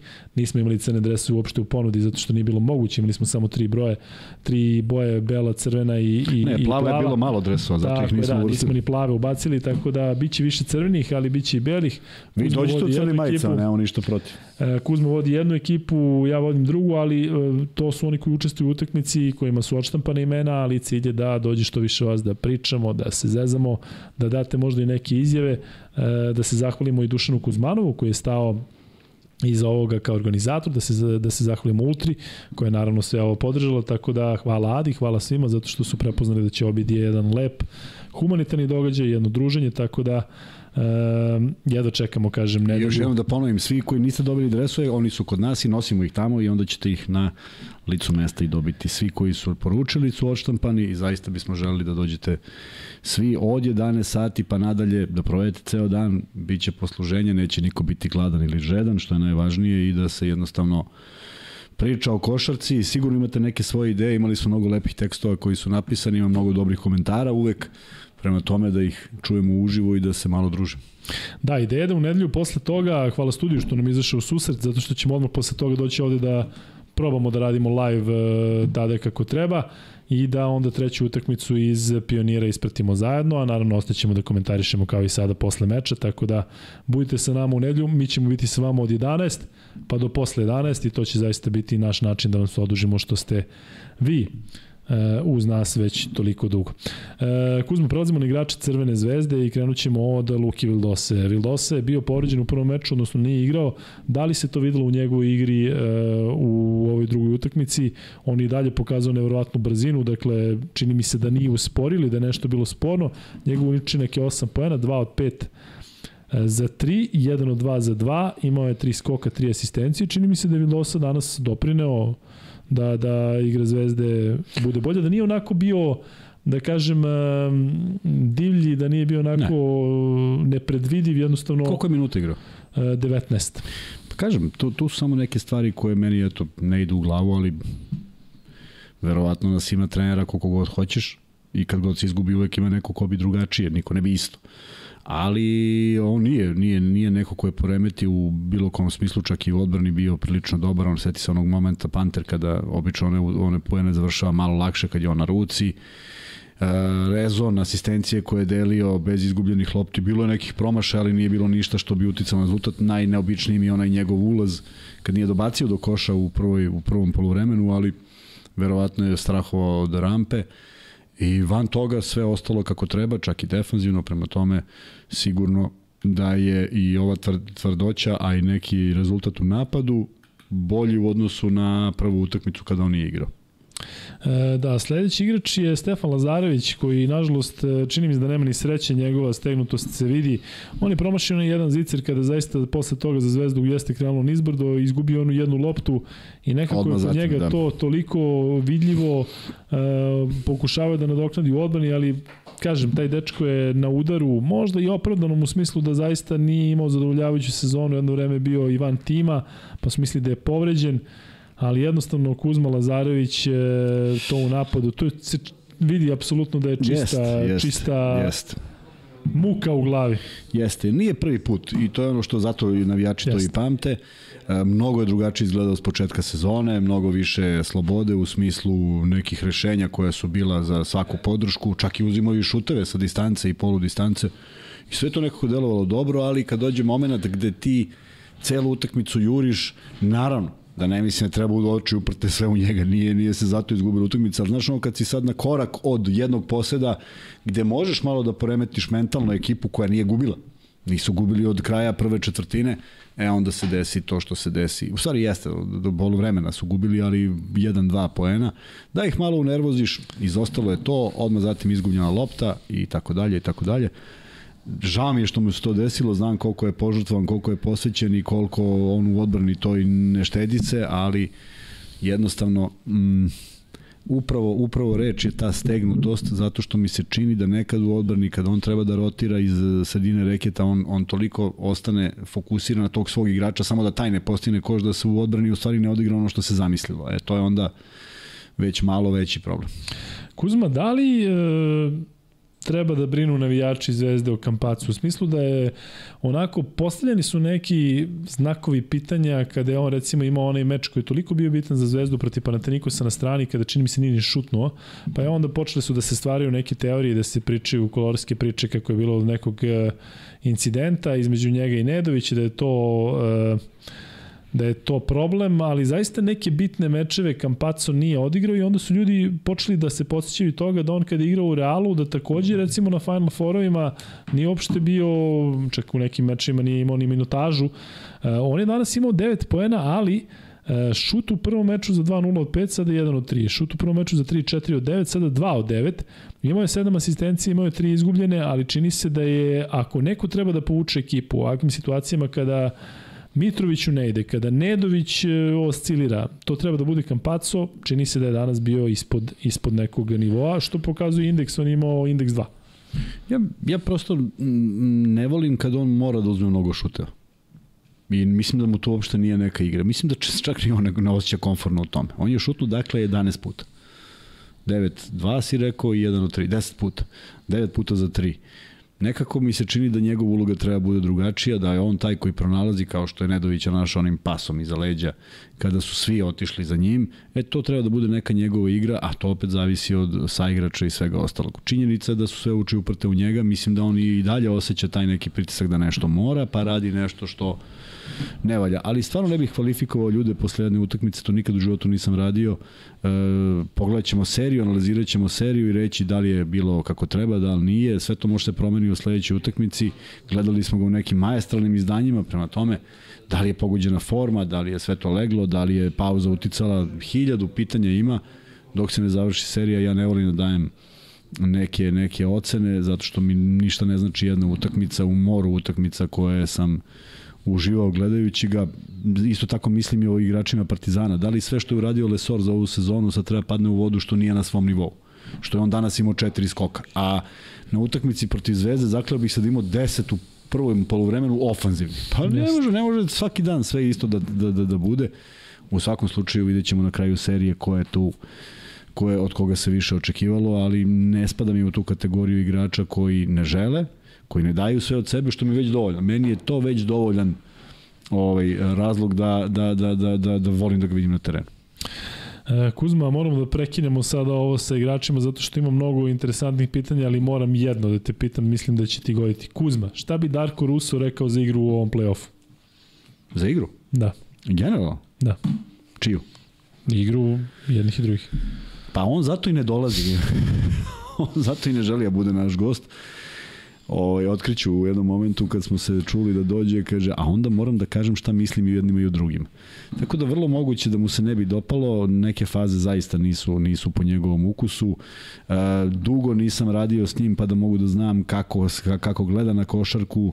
E, znam da ima u malom prstu, znam da bi se snašao u bilo kakvom sistemu, ali verujem da bi čvrstina koju bi on tražio bila ovaj, još veća, ovo bi bila utakmica verovatno 58-56, ne bi se nikome dopala i svi bi samo pamtili rezultat, a možda bi rezultat u takvoj jednoj utakmici kada Ali opet mora zavisiš od igrača, da li igrači to zaista mogu da sprovedu. I on je to pravio od igrača i tražio igrača i svi koji smo mogli da uradimo to igrali smo. Ko nije, nije ni bio dugo u sastavu, ne bi mu se dopalo, iako je bilo dobri stvari, bilo je, bilo je ne možemo da negiramo talenat koji posjeduju napadački pojedini igrači, ali kažem, imao bi, imao bi već pitanja u nekim stvarima kada se rotira. On bi, on bi prosto prekidao utakmicu i pitao zašto ovaj nije rotirao. E, toliko se brzo igra, toliko su igrači obučeni koliko su obučeni, da ne možeš ti da promeniš utakmici protiv Partizana. Ako on do sada ne zna da u jedan na jedan igri, Lesor koji će da okrene oko leđa, da on treba bude korak da, bliže da bi makar napravio faul, džaba da ti sad zaustaviš utakmicu i da objasniš na timeoutu. Tako da, Bilo bi interesantno čuti ga. E, vidim da ovde tražite od nas da prokomentarišemo neke izjave koje nismo čuli i nismo videli u celini, dakle nismo videli citate, nemojte se ljutiti, ali to je jednostavno loša stvar u smislu kada počnemo podcast odmah posle meča, nismo ovaj, u mogućnosti da čujemo te izjave, vidim da ih vi komentarišete i nemamo ništa protiv, ali kažem mi tu moramo da budemo oprezni. E, e sada, Kuzma samo bi se kratko vratio na Kampaca, ali moguće možda da kod njega u glavi ima da je rešio gde ide sledeće sezone i da je to ma možda utica na igru. Ma kakvi. Nema nikakve veze. Ma nema nikakve veze. Ali upravo si ono što je, s čim se apsolutno slaže, mislim da nije dobro ni za Zvezdu, ni za bilo koji klub, da Kampacu uzme 18 trojki za, za ove dve utakmice. Tako je, tako je. Mislim da je, je mnogo. Previše. Mislim da je što mnogo. Što kažeš, i njom se nosi dobro. Da? Ne, sada, ne, ja mislim znaš, da ne. To njegova igra pa da tako zavisi je, od toga. Ti sad promašiš i sad razmišljaš sledeće. Ponovo da. promašiš, ti već razmišljaš i to nije to. Video si koliko je tu bilo. Pritom, potrošnja njegova dok dođe do tog, tog momenta šutna je zaista ogromna. On sve radi u toj nekoj fantastičnoj brzini. Malo te izbace sudije iz takta nekim odlukama, malo uđeš u nesigurnost u šutu i to je to. Volao bi da vidim trojke igrača koji volao bi Nedović ih 16 iz 16 pozicija za šut. Zaista bi volao, nemam problem. On kad šutne, on i Dobrić kad šutiraju. Ako oni ne pogode, nemamo šta nekom da se da se da se tu priča. Ne želim da vidim da Bentil bude taj koji treba da reši šutem za 3 nego treba bude jedan od ovih momaka koji to zaista dobro rade. Danas nisu uradili, da vidimo da li će Zvezda moći da se spremi. Um, Zaista nije ovo sad neka demagogija i sad kao ja vidim uh, uskrsnuće pa 2-2 pa neizvesna peta utakmica. Ne, ali zaista ne mislim da je nešto izgubljeno i mislim da Zvezda posaduje taj potencijal, kao što pa- pa Partizan posjeduje potencijal, potencijal da odigra jednu treću utakmicu izvan ovih ove dve, još bolju jednu, jer ima takav, takav tim, ali vidjet ćemo ko će tu koga nadmudriti, ko ima tu neku veću želju i kako će se stvari odvijati. E, evo, sada možemo da napravimo pol, dakle idemo onaj klasičan pol. E, za koga navijate? Pod A Partizan, pod B Zvezda, pod C neko treći, dakle onaj klasičan pol, da vidimo koliko koga ima u live-u. Čini mi se da ima više grobara, što je apsolutno normalno kada Partizan pobedi, kažem, znam mnogo jednih i drugih navijača, kada njihov voljeni tim izgubi, jednostavno nemaju šta, ne, ne, dovoljno su nervozni da bi sada ovaj, gledali šta mi radimo. Stiže i prva donacija danas, Milan Bacić ili Bačić. Pozdrav od kamionđi opet, evo mala pomoć za... Ili Bačic. da. E, evo mala pomoć za nezaposlenog Kuzmu, pa ti sad vidi. Hvala. E, da, bit će Ubacim. potrebno sad u ovim, od kada nema posao, ovo je sve, tako da ti vidi, Milan, E, kako, ovaj drago live, ovaj live traje dok ne ispunim Tako uh, tako uh, ono dnevni, dnevni, uh, kako se zaradu dnevnu. Dnevnicu. To se- Dnevnicu, to se zove dnevnica. Dok ne dobijem dnevnicu, ili mi trajemo. zaradu. E, dobro. E, stižemo do Luke Mitrovića, njegov e, šut danas iz igre nije bilo. 3 od 5, e, 3 od 4 sa penala, međutim neke izgubljene lopte, neka nesigurnost. Samo ta nesigurnost, E, samo to, to što... To Čini što se da nije svoj, tako, da nije Tako je, skroz svoj. ne, ne, nismo, nismo navikli od njega. neko? Ne, nismo navikli od njega, znaš, možda nekad pomisliš, dešava se jednom u utakmici, a ti pomisliš, evo je lopta u košu, a ona kasno stigla pa si izgubio, ali se desilo u momentima koji su vrlo bitni, teško da postoji u stvari neki moment na ovoj utakmici koji nije bitan, ali to je onaj moment kada, kada tri za redom lopte su ničije pripadaju Partizanu, bez šutnute lopte. Pa ne može da uđe, ako nisi šutno ne može ni da uđe u koš. Ja kažem, me- meni je žao, ja tako mislim, Kuzma se, čuli smo malo pre ne slaže sa mnom, ali ko neki igrači Ja još uvijek ne znaju gde igraju, gde, gde, ili znaju gde igraju, pa ih je to malo poremetilo. Ako je možda nešto odbijeno, ako se nešto pregovara, verovatno to utiče i na, na, na njih na terenu. Ja sam siguran da su i Kampaco i Mitrović e, apsolutno i jesu možda i dva najveće profesionalca u, u timu Zvezde, ali kažem, toliko se priča da li ostaju, da li idu, kakva je sudbina, čekamo neke vesti, možda je teško iz njihovog ugla potpuno se fokusirati na, na košarku, ali siguran sam da bi Zvezda uspela da se vrati u ovu seriju ili da je eventualno preokrene upravo Kampaco i Mitrović moraju da budu na mnogo boljem nivou. Kuzma, Branko Lazić 16 minuta, 4 poena, dao je jednu trojku i jedno slobodno bacanje, imao tri skoka i asistenciju. Mi smo se zabrinuli za Lazića u smislu da je odigrao prvi meč samo 7-8 minuta, pa je onda stigla informacija da, Da možda neće sastavu, da. igrati. Međutim, tu je odigrao je više kako njega gledaš defanzivno, kako ofanzivno. Sve ono što je, što se od njega očekuje, ne vidim da je bilo bilo kakvog. Ja bih ga držao i dalje. Ja bih ga i držao, duže držao. Ali defanzivno, on treba da ima možda um, A on je na svom nivou, ali treba da ima još vidljiviju ulogu u smislu da neki igrači Partizana koji su toliko opasni sa bekovskih pozicija, da ih ono što se kaže potpuno zatvori. Videli smo šta je uradio. Grinu, videli smo šta, šta radi pojedinim igračima u Euroligi, koliko je dosadan, ali čini se da je Partizan moguće naći rešenje protiv takve igre, kad ti je neko non stop tu. Pa nije, počinješ da se nerviraš, ali Panter je to dobro nalazio. I sad treba samo iz, izvagati koliko je to dozvoljeno da on nađe. Dakle, ako si se fokusirao na nekoga, e, sećaš se koliko sam puta rekao da mi se ne sviđa kad se otvori utakmica da jedan igrač poentira. Zato što ostali statiraju. Tako da mora se opredeliš, ali ne može da se desi ovo da baš svi šaraju. Čak ne mislim da je Panter bio prevaga na ovoj utakmici, bez obzira što je uvek opasan kad ima kretnju ka košu i postiguje neke poene ovaj, koji su njegov pečat, ali kažem Smajlagić, Papa Petru i uh, ovaj Madar su bili ti koji su u onim bitnim momentima. E sad ti zamisli ako neko ako Lazić mora da se posveti nekome, a ovaj drugi primi koš kakav primi. Dakle, nije do Lazića. Međutim, tu, tu je najveći problem ako su dvojica u ekipi. Lazarević i Lazić ili, ili, ili opet prilično solidni ja volim kad on da trojku i utiša onako sve Marković, ali prosto ona kontra gde Zvezda treba da preokrene ne može da se završi na način da bude povratni pas Kampacu koji šutira i promašuje. M je u problemu Marković koji nije dao koš. M je u problemu Kampaco koji je promašio. M niko još nije bio na skoku da bi sigurno pokupio tu loptu. To su bile legitimne stvari kada su igrači u naletu, pa kad ti krajičkom oka vidiš da su dva tvoja, već u reketu, pa onda šutneš sa verovatnoćom da i ako promašiš ipak može da padne. Ovo se nije desilo ni, ni blizu, tako da te neke stvari koje su zaista tehnički vrlo jednostavne i izvodljive Zvezda mora da rešava. Milan Ako Bačić, želi pobedu. kaže, nijednom nismo pogledali, kaže, Milan Bačić i donirao je ponovo. Ponovo donirao, Hvala, sad bar Milane. znamo da si Bačić i znamo da kamionđije e, uživaju uz Luka i Kuzma podcast i da, samo sudeći dobro zarađujete. Šalno stranu Milane, drago nam je ako možemo da ispunimo vreme, to dosadno vreme kada voziš. Kajmak nam šalje uplatu na PayPal, hvala. Hvala Andrej, e, pročitat ću i Hvala, ono što je on napisao. E, mislim da je ovo više postalo smešno i ova atmosfera svega je uništavanje mozga prema svima. E, bilo je svega i svačega i bit će svega i svačega. Nikola Radovanović kaže, može li Luka javno da se izvini, ne izvine, nego izvini, da samo te ispravim, za izjave oko Matijasa Lesora, za Madara mi je drago. E, jeste, n- neću da se izvinim, nego ću tebi da kažem da sve ono što sam pričao Lesoru, sve to će njega skupo koštati. Znaš kada će ga koštati? Koštaće ga u trećem i četvrtom meču, ako bude četvrtog meča protiv Crne zvezde u Pioniru. Evo vidit će šta je on navukao na sebe, ne dobrom igrom, dakle ne dobrom igrom, imamo i Pantera koji je igrao fantastično, imamo Pantera koji je flipovao ranije navijači Crne zvezde, ali oni su igrači tog bivšeg kluba i vidit ćeš koliko će biti različit odnos prema Lesoru i prema, prema e, svakome drugome u Partizanu. Ono čega se ja bojim je da to ne unese nervozu kod njega da ne unese nervozu kroz ceo tim. Evo, Nikola, ja i ti, gledat ćemo, nadam se, zajedno u nedelju meč, u smislu mi ćemo biti ovde, bit ćemo u live-u, ako si u Beogradu se vrati pa ćemo pričati o tome. E, to je poenta cele priče. Dakle, e, mislim da bi Partizan prošao Real, da e, Panter i Lesor nisu onako odreagovali, da su bojice bili na raspolaganju treći četvrti meč. Sa te strane, to je ono što sam ja potencirao kad bi dečko mogao samo da se koncentriše na teren, a toliko je dao Partizanu, uh, bilo bi još bolje. Ako ti misliš da Lesor nije pogrešio što je dobio kaznu i, i odradio onaj treći meč kada je Partizan bio na šut od pobede, bez njega, zamisli kako bilo sa njim, ja već vidim nas na Final Fouru, a Real osvojio titulu, kažem, sve to što sam najavljivao ovaj, e, se praktično i desilo u smislu da ne može da se iskontroliše, on je očigledno takav e, kada bi mogao još više da se fokusira na igru, bilo bi i njemu i Partizanu bolje.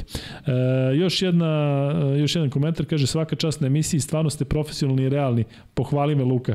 Pohvalit ću te Miljane zato što mislim da ti jedini tako, jedini govoriš za obojicu ili su jedni naklonjeni vamo ili onamo, tako da ovaj, eto ima i nekako... Miljane legend.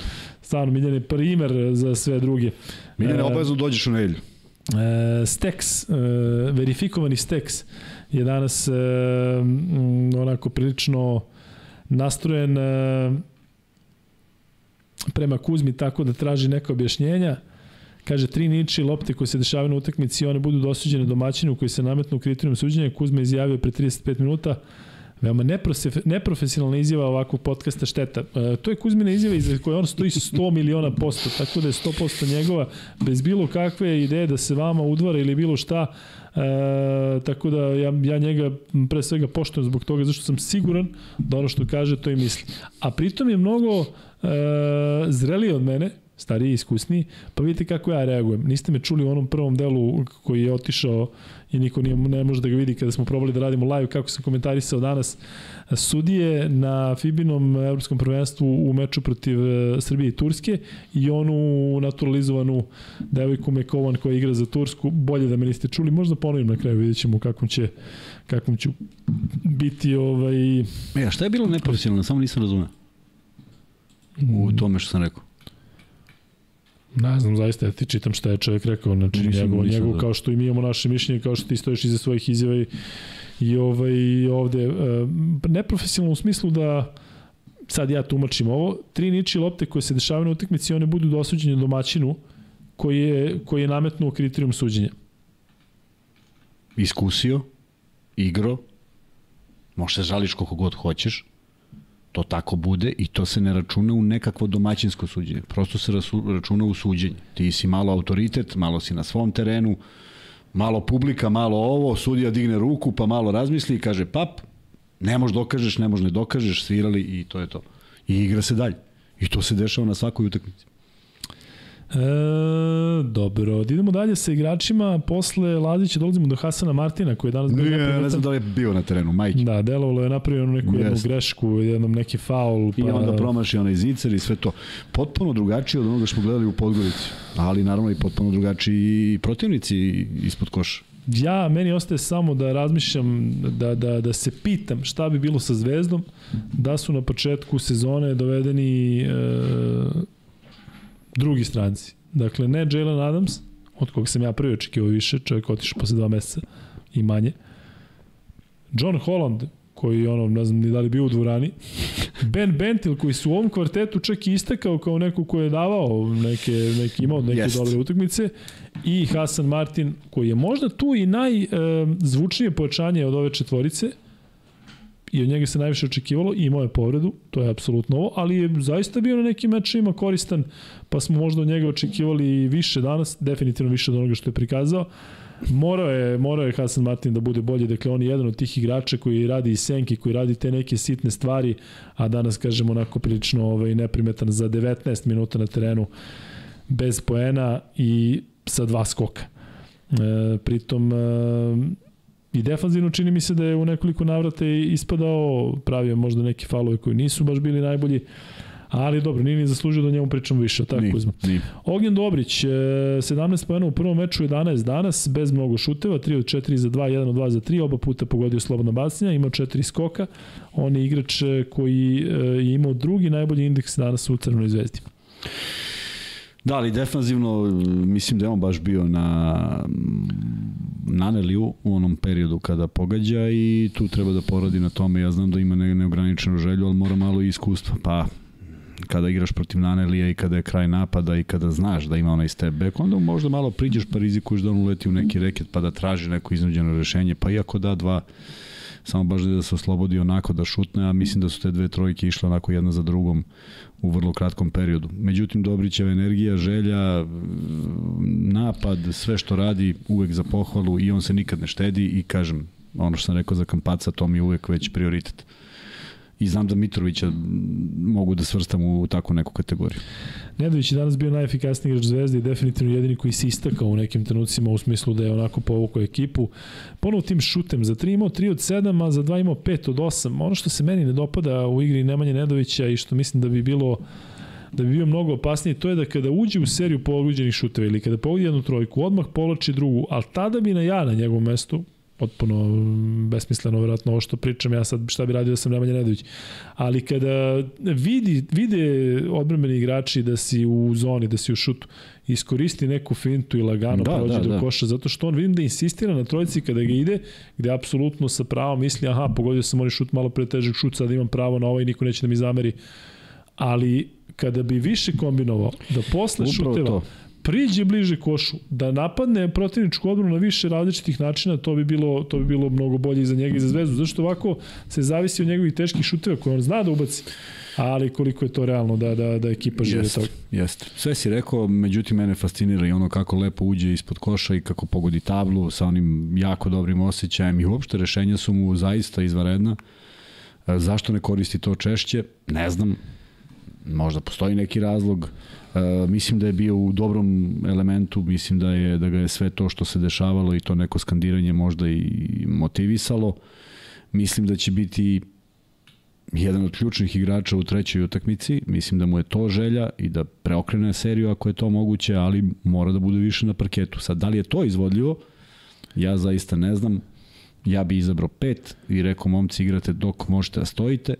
Oni bi igrali neko vreme, pa bi onda je ubacio šestog, pa bi njemu to isto rekao i tako bi jedan po jedan otpadali, ali ja bi ovaj, držao one ljude u koje mogu da, da, da, da, na koje mogu da računam da neće praviti greške. Nekad mi se desi da, da, da, da, da taman zvezda stigne nešto i odjednom to se sve prospe zbog jedne loše karike. A, ne treba zaboraviti, treba, treba podsjetiti, ti si malo često uradio, nije ovo tim koji je izabrao Duško Ivanović, on ih koristi verovatno najbolji mogući način, cenim da bi neki drugi treneri polovinu ekipe već eliminisali i igrali zaista tako kao što ja pričam, on pokušao da iskoristi najbolje i to može kada ti poznaješ igrače. A ti to može kad si ih ti izabrao i znaš da će on u tom momentu, baš zato što je ušao da tu smeta, ne da da koš, nego da bude u odbrani, da smeta, da bude na, pravom, na pravoj poziciji, e on ti treba i ti ga ubaciš i svi se pitaju što je on tamo, a on stvarno onako duge ruke preseče neku loptu i ti kažeš evo zato Ovde to malo ne može da prođe zato što nisi siguran u te ljude koji su na parketu. E, hoću da kažem da zaista iz ugla trenerskog vidim da ovde komentarišete izjave Ivanovića, ali za svaki respekt je njegovih 16-11 u Euroligi, zato što je dobio tim na tacnu koji, ja ne znam, da on sada može da bira igrače, da li bi izabrao jednog, vjerojatno bi izabrao ove, ove koji su došli, to je okej, okay. u kada je već on došao. Nisam siguran. Ali e, gde bi Zvezda bila da, da imala drugog trenera posle onih 1-6 ili 1-7, zaista kako je počelo da se izlači sezona, u jednom trenutku sećate se da je Zvezda bila nezadrživa. Ja bih rekao da, da su neke stvari uticale da Zvezda padne, koje su apsolutno paranormalne u smislu ona, ona ono gaženje linije Mirotića, Dakle, da je Zvezda tada dobila Barsu, ja mislim da Ma, bi drugačija sezona ide potpuno i ta... Da je Kampacio možda dobio manju kaznu, da nije dobio kaznu uopšte, isto možemo samo da razmišljamo šta je. je bilo. Tako da, šta je Duško Ivanović uradio za Zvezdu ove sezone u situaciji kada verovatno bi malo ko prihvatio onakav tim u onakvoj poziciji, on je došao Uradio podigao. bi ovo što, što ti pričam, sigurno bi došao i rekao, ok, sad mi dovedite yes, još, još petoricu da. koju ja tražim. Tako da ja um, kao grobar imam respekt prema Dušku Ivanoviću i mislim da zaista on treba da ostane klupi Zvezde šta god se dešavalo do kraja Zvezde, makar Zvezda izgubila 3-0, da vidimo kako će to tek izgledati kada on leti kaže uh, ti, ti, ti, ti, hvala puno, doviđenja, prijetno. Upravo tako. I imamo tri igrača na ovoj poziciji, ko, ko, možemo da dajemo bilo koga i on kaže ovog.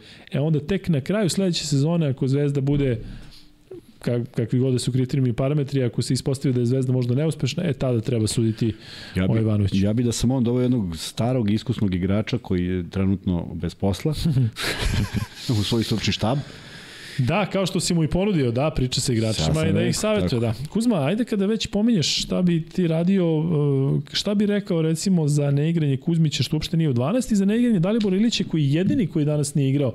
Dakle, za mene to iznenađenje u smislu... To mi je više jasno nego da igra na prvoj utakmici, ali kad već igra na prvoj utakmici, ne jasno da ne igra na sad bar ta 3-4 minuta, znam, a pritom Partizan ima Smajlagića koji ono, jede, jede obruče, I ima Lesora koji je podigao formu i Lesor sada radi jako dobre stvari za Partizan. Dakle, Lesor igra mnogo, mnogo smislenije. Ono kad se on zagradi i dobije pravovremen pas, postane sam na zakucavanju, to je isto nešto što podiže ekipu i to dolazi u nekim jako bitnim momentima. Lesor je danas imao 100 od 100 šuta iz igre i onda pomisliš treba ti neko u reketu, ne treba ti neka, neka, neko telo u reketu, treba ti neko ko će biti tu i njega bilo. Jako je ovaj, ja, ja principijalno ne volim to šta bi umesto trenera, rekao sam ti hiljadu puta i razloga i ne želim da s time bavim i negde stvarno te, to, to ostavljam trenerima jer ovo su velika trenerska imena. Nije mi, nije mi bilo drago ni u onih e, Partizanovih 3 i 9 kad je imao, pa kad počinju da komentarišu kako Obradović ne zna šta radi, tako da mi smo skloni tome. Ja jednostavno se nikad nisam bavio time. Uh, uvek mogu da kažem nešto iz svog ugla, ali ne šta je bolje, šta je pametnije, ne zato što ne želim nekom da se zamerim, nego zato što onda stvarno obezvređujemo taj posao trenera, dva, i, dva trenera koji imaju XY pobeda u okviru Evrolige i sad mi preispitujemo svako od nas bi imao nešto drugačije, u pobedi smo svi pametni kao i ovaj trener koji je vodio, u porazu, pa to, to svi znamo, u kom bi sekundu menjali igrača, a ne da ispadne drugačije, onda bi rekli da je to pravi potez i tako. Prema tome, stvar principa, ne volim da komentarišem na taj način. Meni iznenađenje da je igrao drugu, prvu, a da drugu nije, zato što možda, možda iz nekog onog čistog uh, čisto iz neke logike da uh, je ako ništa, trebalo bi da bude niži i brži od uh, Smajlagića, pa da iskoristi kad je on na trojici da ne, pro, da ne prode, da ne ode na zakucavanje. Uh, Tako da ima nekih tih stvari koje sigurno mogu da ne prijaju, naravno i s ove druge strane trener koji bi onda rešio to na drugi način, pa bi taj Smajlagić igrao dole, prema tome nije teško da uvek postoji neko rešenje koje mi svi vidimo, a ovi ne vide. Ali jeste iznenađenje zato što je igrao prvu utakmicu, ne zbog nečeg drugog. E, da, ljudi, još malo nam fali da stignemo do 500 lajka i onda ćemo pucati prvi free bet. E, što se tiče e, igrača Zvezde... Već je 12 čoveče, nisam planirao liko da ostane. Nisam planirao kada, je, kada se počeo, u 10 i 15? A šta li imaš nešto? Pa imam neku decu kod kuće, sami su ceo dan. Što ideš da ostanem ja da pričam o, da. o ja se od kuće, ja se od kuće, budi na veze. Ajde onda da privodimo kraj, ali Kuzma imamo jako puno ljudi u live-u, pa imamo, ajde da kažemo, neki dug prema njima, a imamo a i free betove da, da, da, znaš, da izbacimo. Malo drugačije koncipiran dan bio, dobro, ajde. Jeste, pa da, hteli smo da radimo od 7. Mi smo 7, ovde od 7. I misli, da. Sad je 12. Nažalost nismo, nismo od 7 do 12 sve vreme bili ovde iz tehničkih razloga. Da smo ali... radili live i onda bismo sigurno još imali jedno sat i po i u nekom ovom momentu bismo završili. Tako. Hvala Srkiju koji je došao i popravio tu šta je trebalo i hvala mu što je takođe za ovaj pol poslao, poslao rešenje kako da iz toga izađemo. Dopunjavamo se međusobno, tako i treba da bude. I u dobru i u zlu da budemo zajedno. To ja mislim generalno. E, da prođemo onda još kratko ove igrače Zvezde o kojima nismo pričali. Stefan Marković 3 poena, 11 minuta, pogodio je tu jednu trojku, nekako od jednom stižu trojke Stefana Markovića, ona jedna u prvom meču, sada u drugom, od njega se nešto drugo očekuje. Meni je sve bilo kod njega ok, i kako igra odbranu, i kad je napravio faul, i samo i taj, taj pro, onaj prodor kad je presekao leptu, to mi jednostavno krivo, zašto znam da on to može da reši i da rešava na najbolji mogući način, jer sve ostalo, nemam problem kad igra, nemam problem šta radi, nemam problem kad pogodi trojku, preuzme je, ne libi se, nije onaj igrač koji će doda u momentu kada uh, je na ivici vremena da li da šutne ili da ne šutne, ima rezon, ako je neko u boljoj poziciji dobit će loptu, ako ne, onako će prilično hrabro da uzme i da šutne. Nije poznat kao šuter, ali eto, pogodio je. E, Petrušev, 7 poena, 14 minuta, očekivali smo više njega, duše danas e, minutaža, minutaža nije bila velika, manja čak nego u prvom meču, Pa ima Ali opet razlog, nekako ide na zakucavanje nekada kada svi znamo da neće zakusati. Dakle, onda posterizuje Lesora kada mm, skoči sa 3 metra, mislim da i Lesor tada je u stanju da napravi dobar fal da krene na blokadu, ako to ne pređe da ga zaustavi. Nekako čini mi se da 4 ili 5 puta kreće na neka zakucavanja. Da li je to da mu fali više snage, mm, da nađe neko bolje rešenje, ali To mi, to mi je uvijek bilo, mislim, meni nije to objašnjivo da neko mora da zakuca, ja bi išao uvijek na neko dobro zagrađivanje i polaganje, ali mi je nejasno da Madara stavi na leđa, okrene se u dva koraka i ne dobaci do koša. To je onda već ozbiljan problem. Onda, onda koja je igra, koja, a pritom mora da bude bolja igra leđima. Ne zaboravi da ima i onaj moment kada ide na fade away iz, iz dvokoraka, koji je jako težak za, za mnogo ne sposobniji igrači, nego znaš oni niži igrači koji imaju malo manje poluge, pa to ima neku motoriku, pa ima neku snagu, pa mu vidiš triceps od 2 kila, pa može šutne iz bilo kog položaja. Ovo je to, ovde je to bilo kratko, što je sve prouzrukovalo da nemaš nikakvu sigurnost kada je lopta ispod koša kod, kod, kod njega naročito. Tako da 14 minuta i ovih 7 poena to zvuči uhuhu.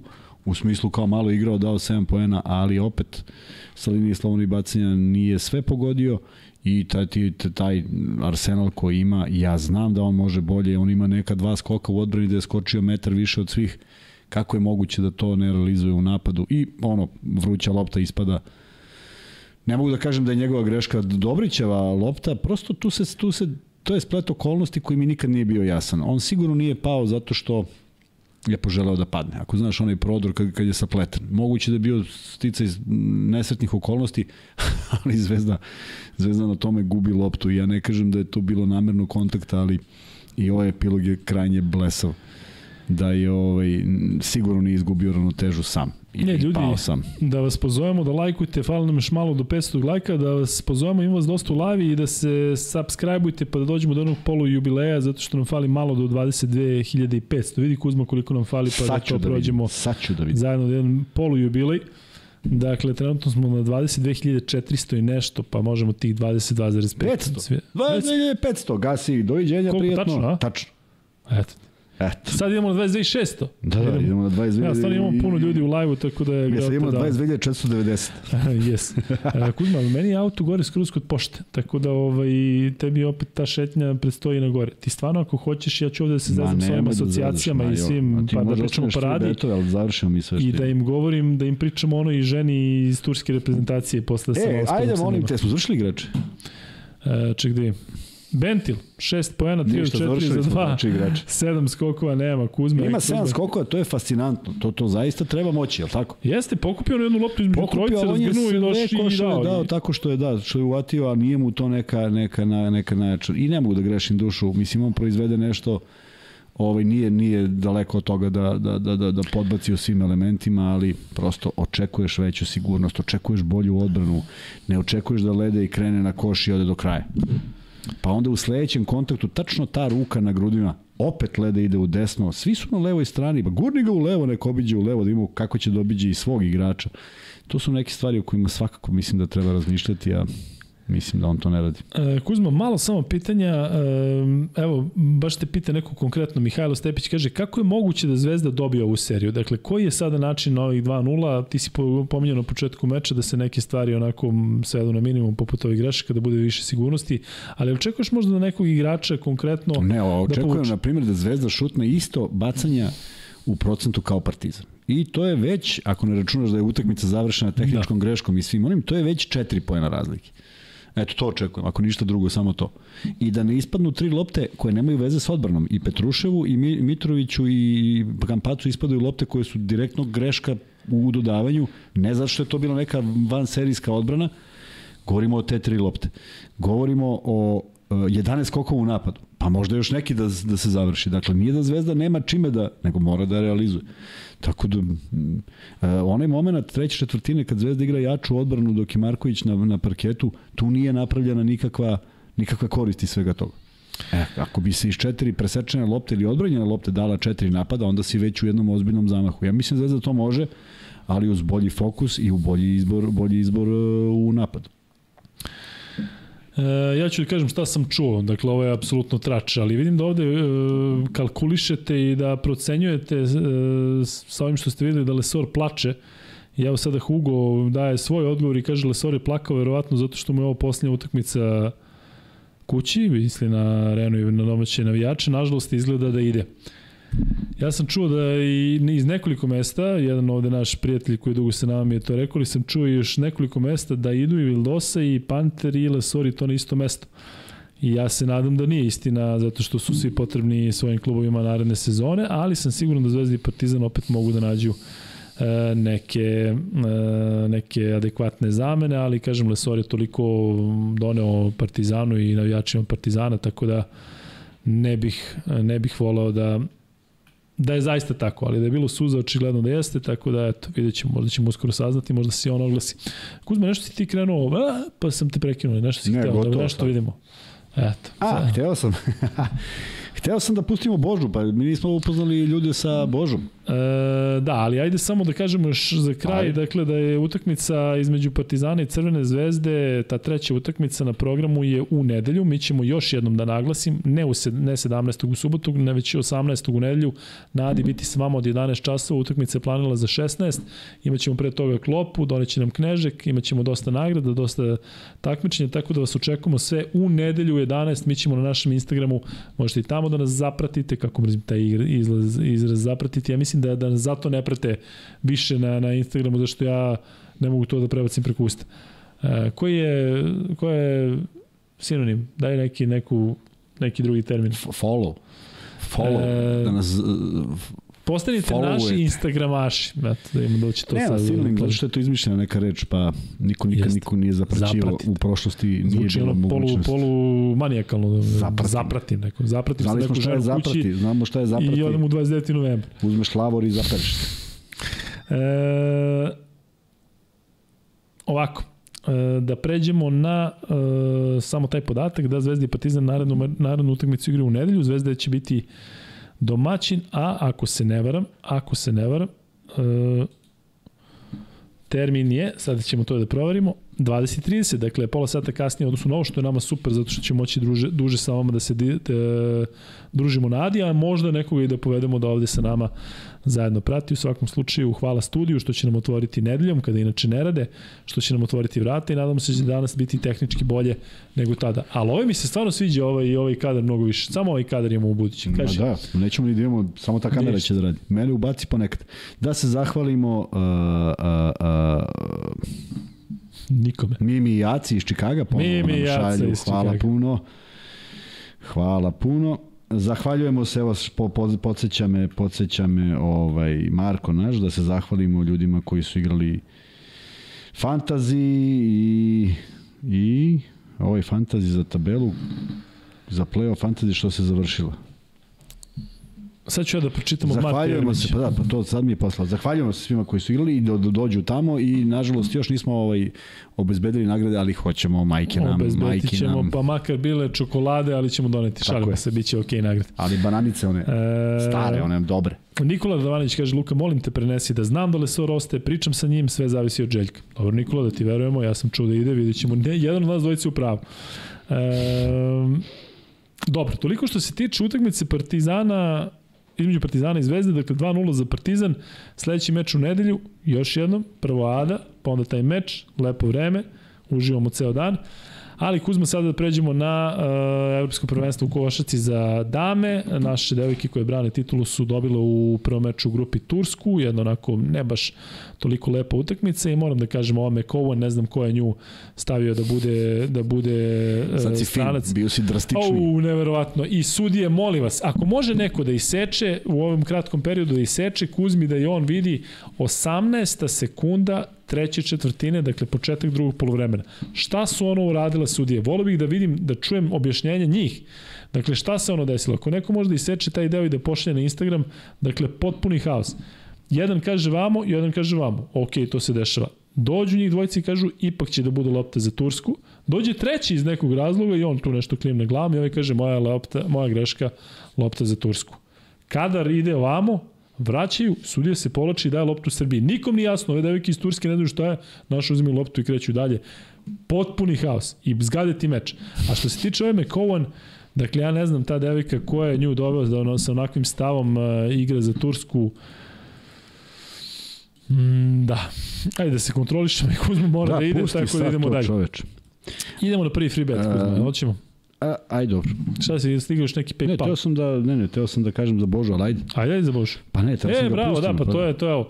Jel možemo sad da pustimo Božu? E, Možeš. samo da najavim, Bože, e, Božidar Manojlović, dugogodišnji novinar koji je decenijama pratio žensku košarkašku reprezentaciju, nalazi se na licu mesta u Sloveniji i on će biti neko koji će nam štlati nekakav kvalitetan materijal. Danas je bila prva utakmica, mi nismo mogli da se poklopimo s tim, ali je poslao jednu izjavu kako je to sve bilo, pa poslušajte Božu u narednih dva minuta. Poštovani prijatelji podcasta, dobar dan, dobroveče. Evo reprezentacija Srbije u košarci, dakle naše devojke, počele su Evropsko prvenstvo u Ljubljani pobedom. Jako, jako važnom pobedom protiv reprezentacije Turske, jer svi cene da je Turska možda i najuzbiljniji protivnik u grupi, svakako jedna od najjačih reprezentacija u Evropi. Selektorka Maljković je više puta njih isticala.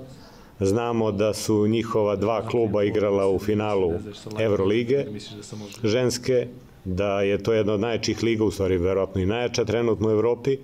Tako da e, izuzetno jaka reprezentacija, izuzetno dobre igračice, ali naše devojke su bile sjajne, sjajne, zaista znate da je prva utakmica uvek i najteža, e, i psihički, dok se probije ta barijera, kreće takmičenje, malo ste u grču, e, imamo malo problema, dakle greši se i tako dalje, međutim postavka utakmice je sjajna, apsolutno smo kontrolisali celu utakmicu od početka do kraja, zaista nešto na početku su možda ovaj, reprezentativke Turske vodili, inače kad smo, kad smo uhvatile, što kaže naš ritam, do kraja nismo ispuštale, izuzetno važna pobeda, a možda i nadam se i, i odlučujuće za prvo mesto u grupi.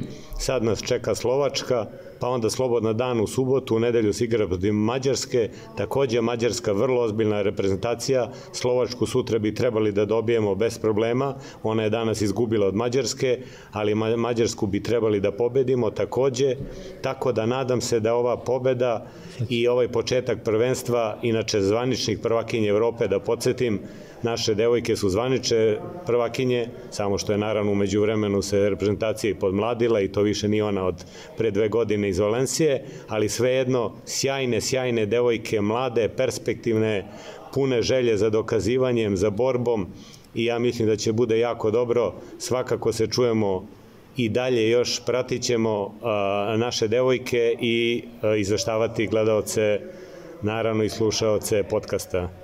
Sve najbolje i prijatno od Bože Manojlovića iz Ljubljane. To je to. Sve. Poštovani prijatelji, Super.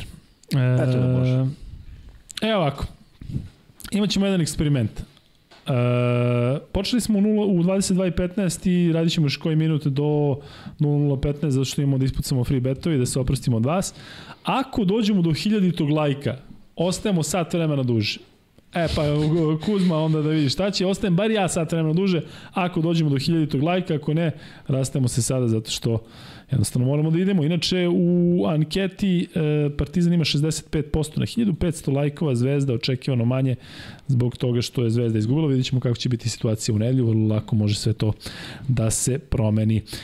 E, sada možemo da pređemo na free bet prvi zato što smo došli do 500 do lajka. Inače, samo da se zahvalim ja i Bože Manoloviću koga ne poznajem, ali čini mi se da je super tip, definitivno profesionalan. I Kuzma, ajde samo kratko, molim te, možeš njemu kao primeru, ali ti ljudi koji toliko dugo rade novinarski posao, kao recimo Rada Nikolić i on, ja mislim da oni nisu zaradili mnogo, ali su toliko Ne, profesionalni ne. i ne znam da li njima sad užitak što idu vamo, apsolutno treba da idu, ali rade onako e, potpuno čisto, potpuno iskreno, vole ovo, a čini mi se da, da moraju još nešto da rade da bi opstali. Vidi, koje muke Božine da otputuje uopšte, veruj mi, nije, nije za neku priču, nije za neku pohvalu, divno je što je tamo, zato što je on čovek koji to voli i, i prati i zna i kontakt sa devojkama ima fantastičan. E, vrlo la- lako dobija intervjue, vrlo lako komunicira s njima zato što je neko ko se time bavio olimpijskim sportovima naročito, on izveštavao sa svih tih olimpijada i kažem, e, drago mi je što je otišao, ali kažem, možda jednog dana kad se bude vratio pa da ispriča kako je uopšte to putešestvije bilo, daleko od organizovanog, daleko od nečega što je za pohvalu, ali kažem, možda je to tako sve inače, pa i ovaj njegov odlazak u Sloveniju. Svakako, uh, bit će nam na raspolaganju, ja bih voleo da Srbija napravi dobar rezultat, pa da imamo uključenje neke od devojaka, ali svakako ćemo pratiti iz podcasta u podcast šta se dešava. Kažem još jednom, ako do 0015 dođemo do 1000 lajka, radimo dodatnih sat vremena. Trenutno smo na 600. Idemo prvi free bet, dakle prvi max bet free bet e, je sledeći. Dakle, igramo asocijacija, ako se slažete. Ja ću da kažem da je ovaj košarkaš, ovaj košarkaš,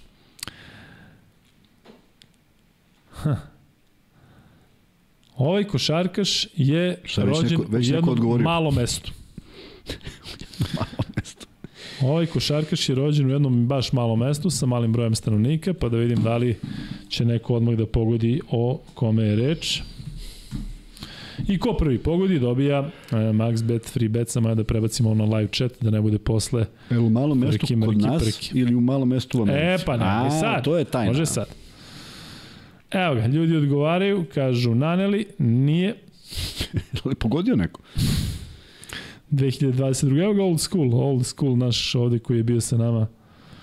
E, one burne noći kada smo ovde bili dugo. Nije Dobrić, nije Bodiroga, nije sve ovo što ste do sada radili, Nikola Jokić, Panter, Matijas Lesor nije. Igra za reprezentaciju svoje zemlje. To je druga asocijacija. Smiley nije Divac, nije Kuriđa, nije Apić, nije Mačva, nije Nedović, nije, nije Divac, Nemanja Nedović, nije Didžemo Benga nije, Birčević nije, Kuzmić nije, Dragan Labović Labud nije, Panter, Jokić, Bodiroga Pa nemoj da čitaš koje su šanse neko Ne, zato što hoću da, da, da vidim da ne propustim, ali mnogo brzo Ma. ide, zato čitam naglas da... da, Si lud, da ono, Ko bi to mogao pogoditi? Greg Ostertag nije. Madar, jeste, Madar je Ljubiša... Ma da, E, da, hteo sam da... da sledeća bi mi bila asocijacija da pohvalim onaj njegov koš iza table. ja nikad ne bih priznao da su pogodili. Ljubiša Spasojević je pogodio i uh, Ljubiša Spasojević šalje za prvi max bet free bet na lukajkuzma.gmail.com Fali nam još 371 like nam fali da bismo radili dodatnih sat vremena, a vreme nam Boga mi ističe, tako da očigledno da će biti po Kuzminom i da ćemo ići kući već za nekoliko minuta. Kuzma, ali imamo neki onaj zagonetnu ličnost, ili imamo to da pošaljemo, da probamo, danas smo nešto onaj Space and Force, Ne, ne, Space ne, and ne, ne mogu sad to uopšte da Hoćeš onda smislim. ja da Ti, ti cepaj, dalje. da, ti cepaj ove tvoje. E, košarkaš, mogu ja? Asocijaciju, košarkaš. E, ovako ćemo sada. Sledeći e, košarkaš koga ćemo e, da pogađamo je rođen na severu svoje zemlje. U, Počet ćemo sa tim. Dakle, sledeći košarkaš za drugi free bet je rođen na e, evo, Perko Aničić kaže jedno malo mesto u Izraelu, graniči se sa Libanom, da, ja sam vidio da ima 7000 ljudi. kada sam ono istraživao Madaru. E, dakle, sledeći igrač je rođen na severu svoje zemlje. E, zamisli koliko je u Čileu, na primjer, smešno kad si rođen na istoku ili na zapadu. Nije Stvar- Jokić da vam kažem. odmah. Jel Stvarno to neko kaže, šta misliš? Kako ne, pa Čilanci su vrlo... Ne, ne, pa toliko je uzak i kažu, e, rođen je na istoku Čile, a ono odmah do zapada. E, gledam Narko, stigu sam do treće sezone i možda progovorim španski sada. Pišite kako vam se sviđa prva, druga, kako treća sezona, pošto znam da je treća najslabija. Jokić, Jokić, Jokić, Jokić nije, Mr. Bean nije, Jalen Branson, Andjušić, Kampaco, Smajlagić, Markane, nije, nije, nije. E, idemo druga asocijacija. Njegovo ime, ne prezime, dakle ime je isto kao i jednog od vaših podcastera. Luka! U prevodu ili je Luka ili je Vladimir. Ili je Stig? Nije Luka Vildosa. Zanimljivo. Nije ni Mila Ilić. Zanimljivo. Nego je Vladimir? Davidovac nije. Rebrača nije, pa nije Luka Rebrača ili Vladimir Rebrača. Majko. Mitrović, evo ga, Stefan Radmanović je odgovorio, Mitrović jeste, Luka Mitrović, sledeća asocijacija bi bila da nam je bio gost, tako da Stefan Radmanović, evo, viš kako smo sada malo ovaj, Kako smo da živili, dobijamo kako je, nove. Kako je, kako je sad Jao, nije, Stefan Vujović je odgovorio prvi, izvini. Stefan Vujović je odgovorio prvi, brzo ide jebi. Stefan Vujović je odgovorio prvi, Mitrović, tako da je Stefan šalje na lukajkuzma.gmail.com. Opet će da mi pišu ovdje. Stef... Ja Jo, sam prvi. Ne, Stefan Radmanović je prvi. Kukulele. I jedan i drugi Stefan ih šalju.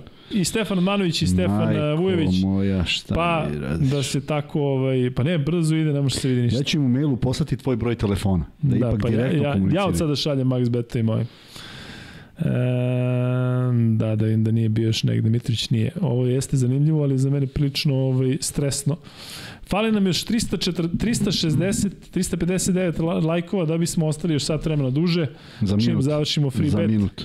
Pa vidim da izgleda nećete se družiti sa mnom, to je prosto neverovatno. I dalje imamo preko 2000 ljudi u live-u.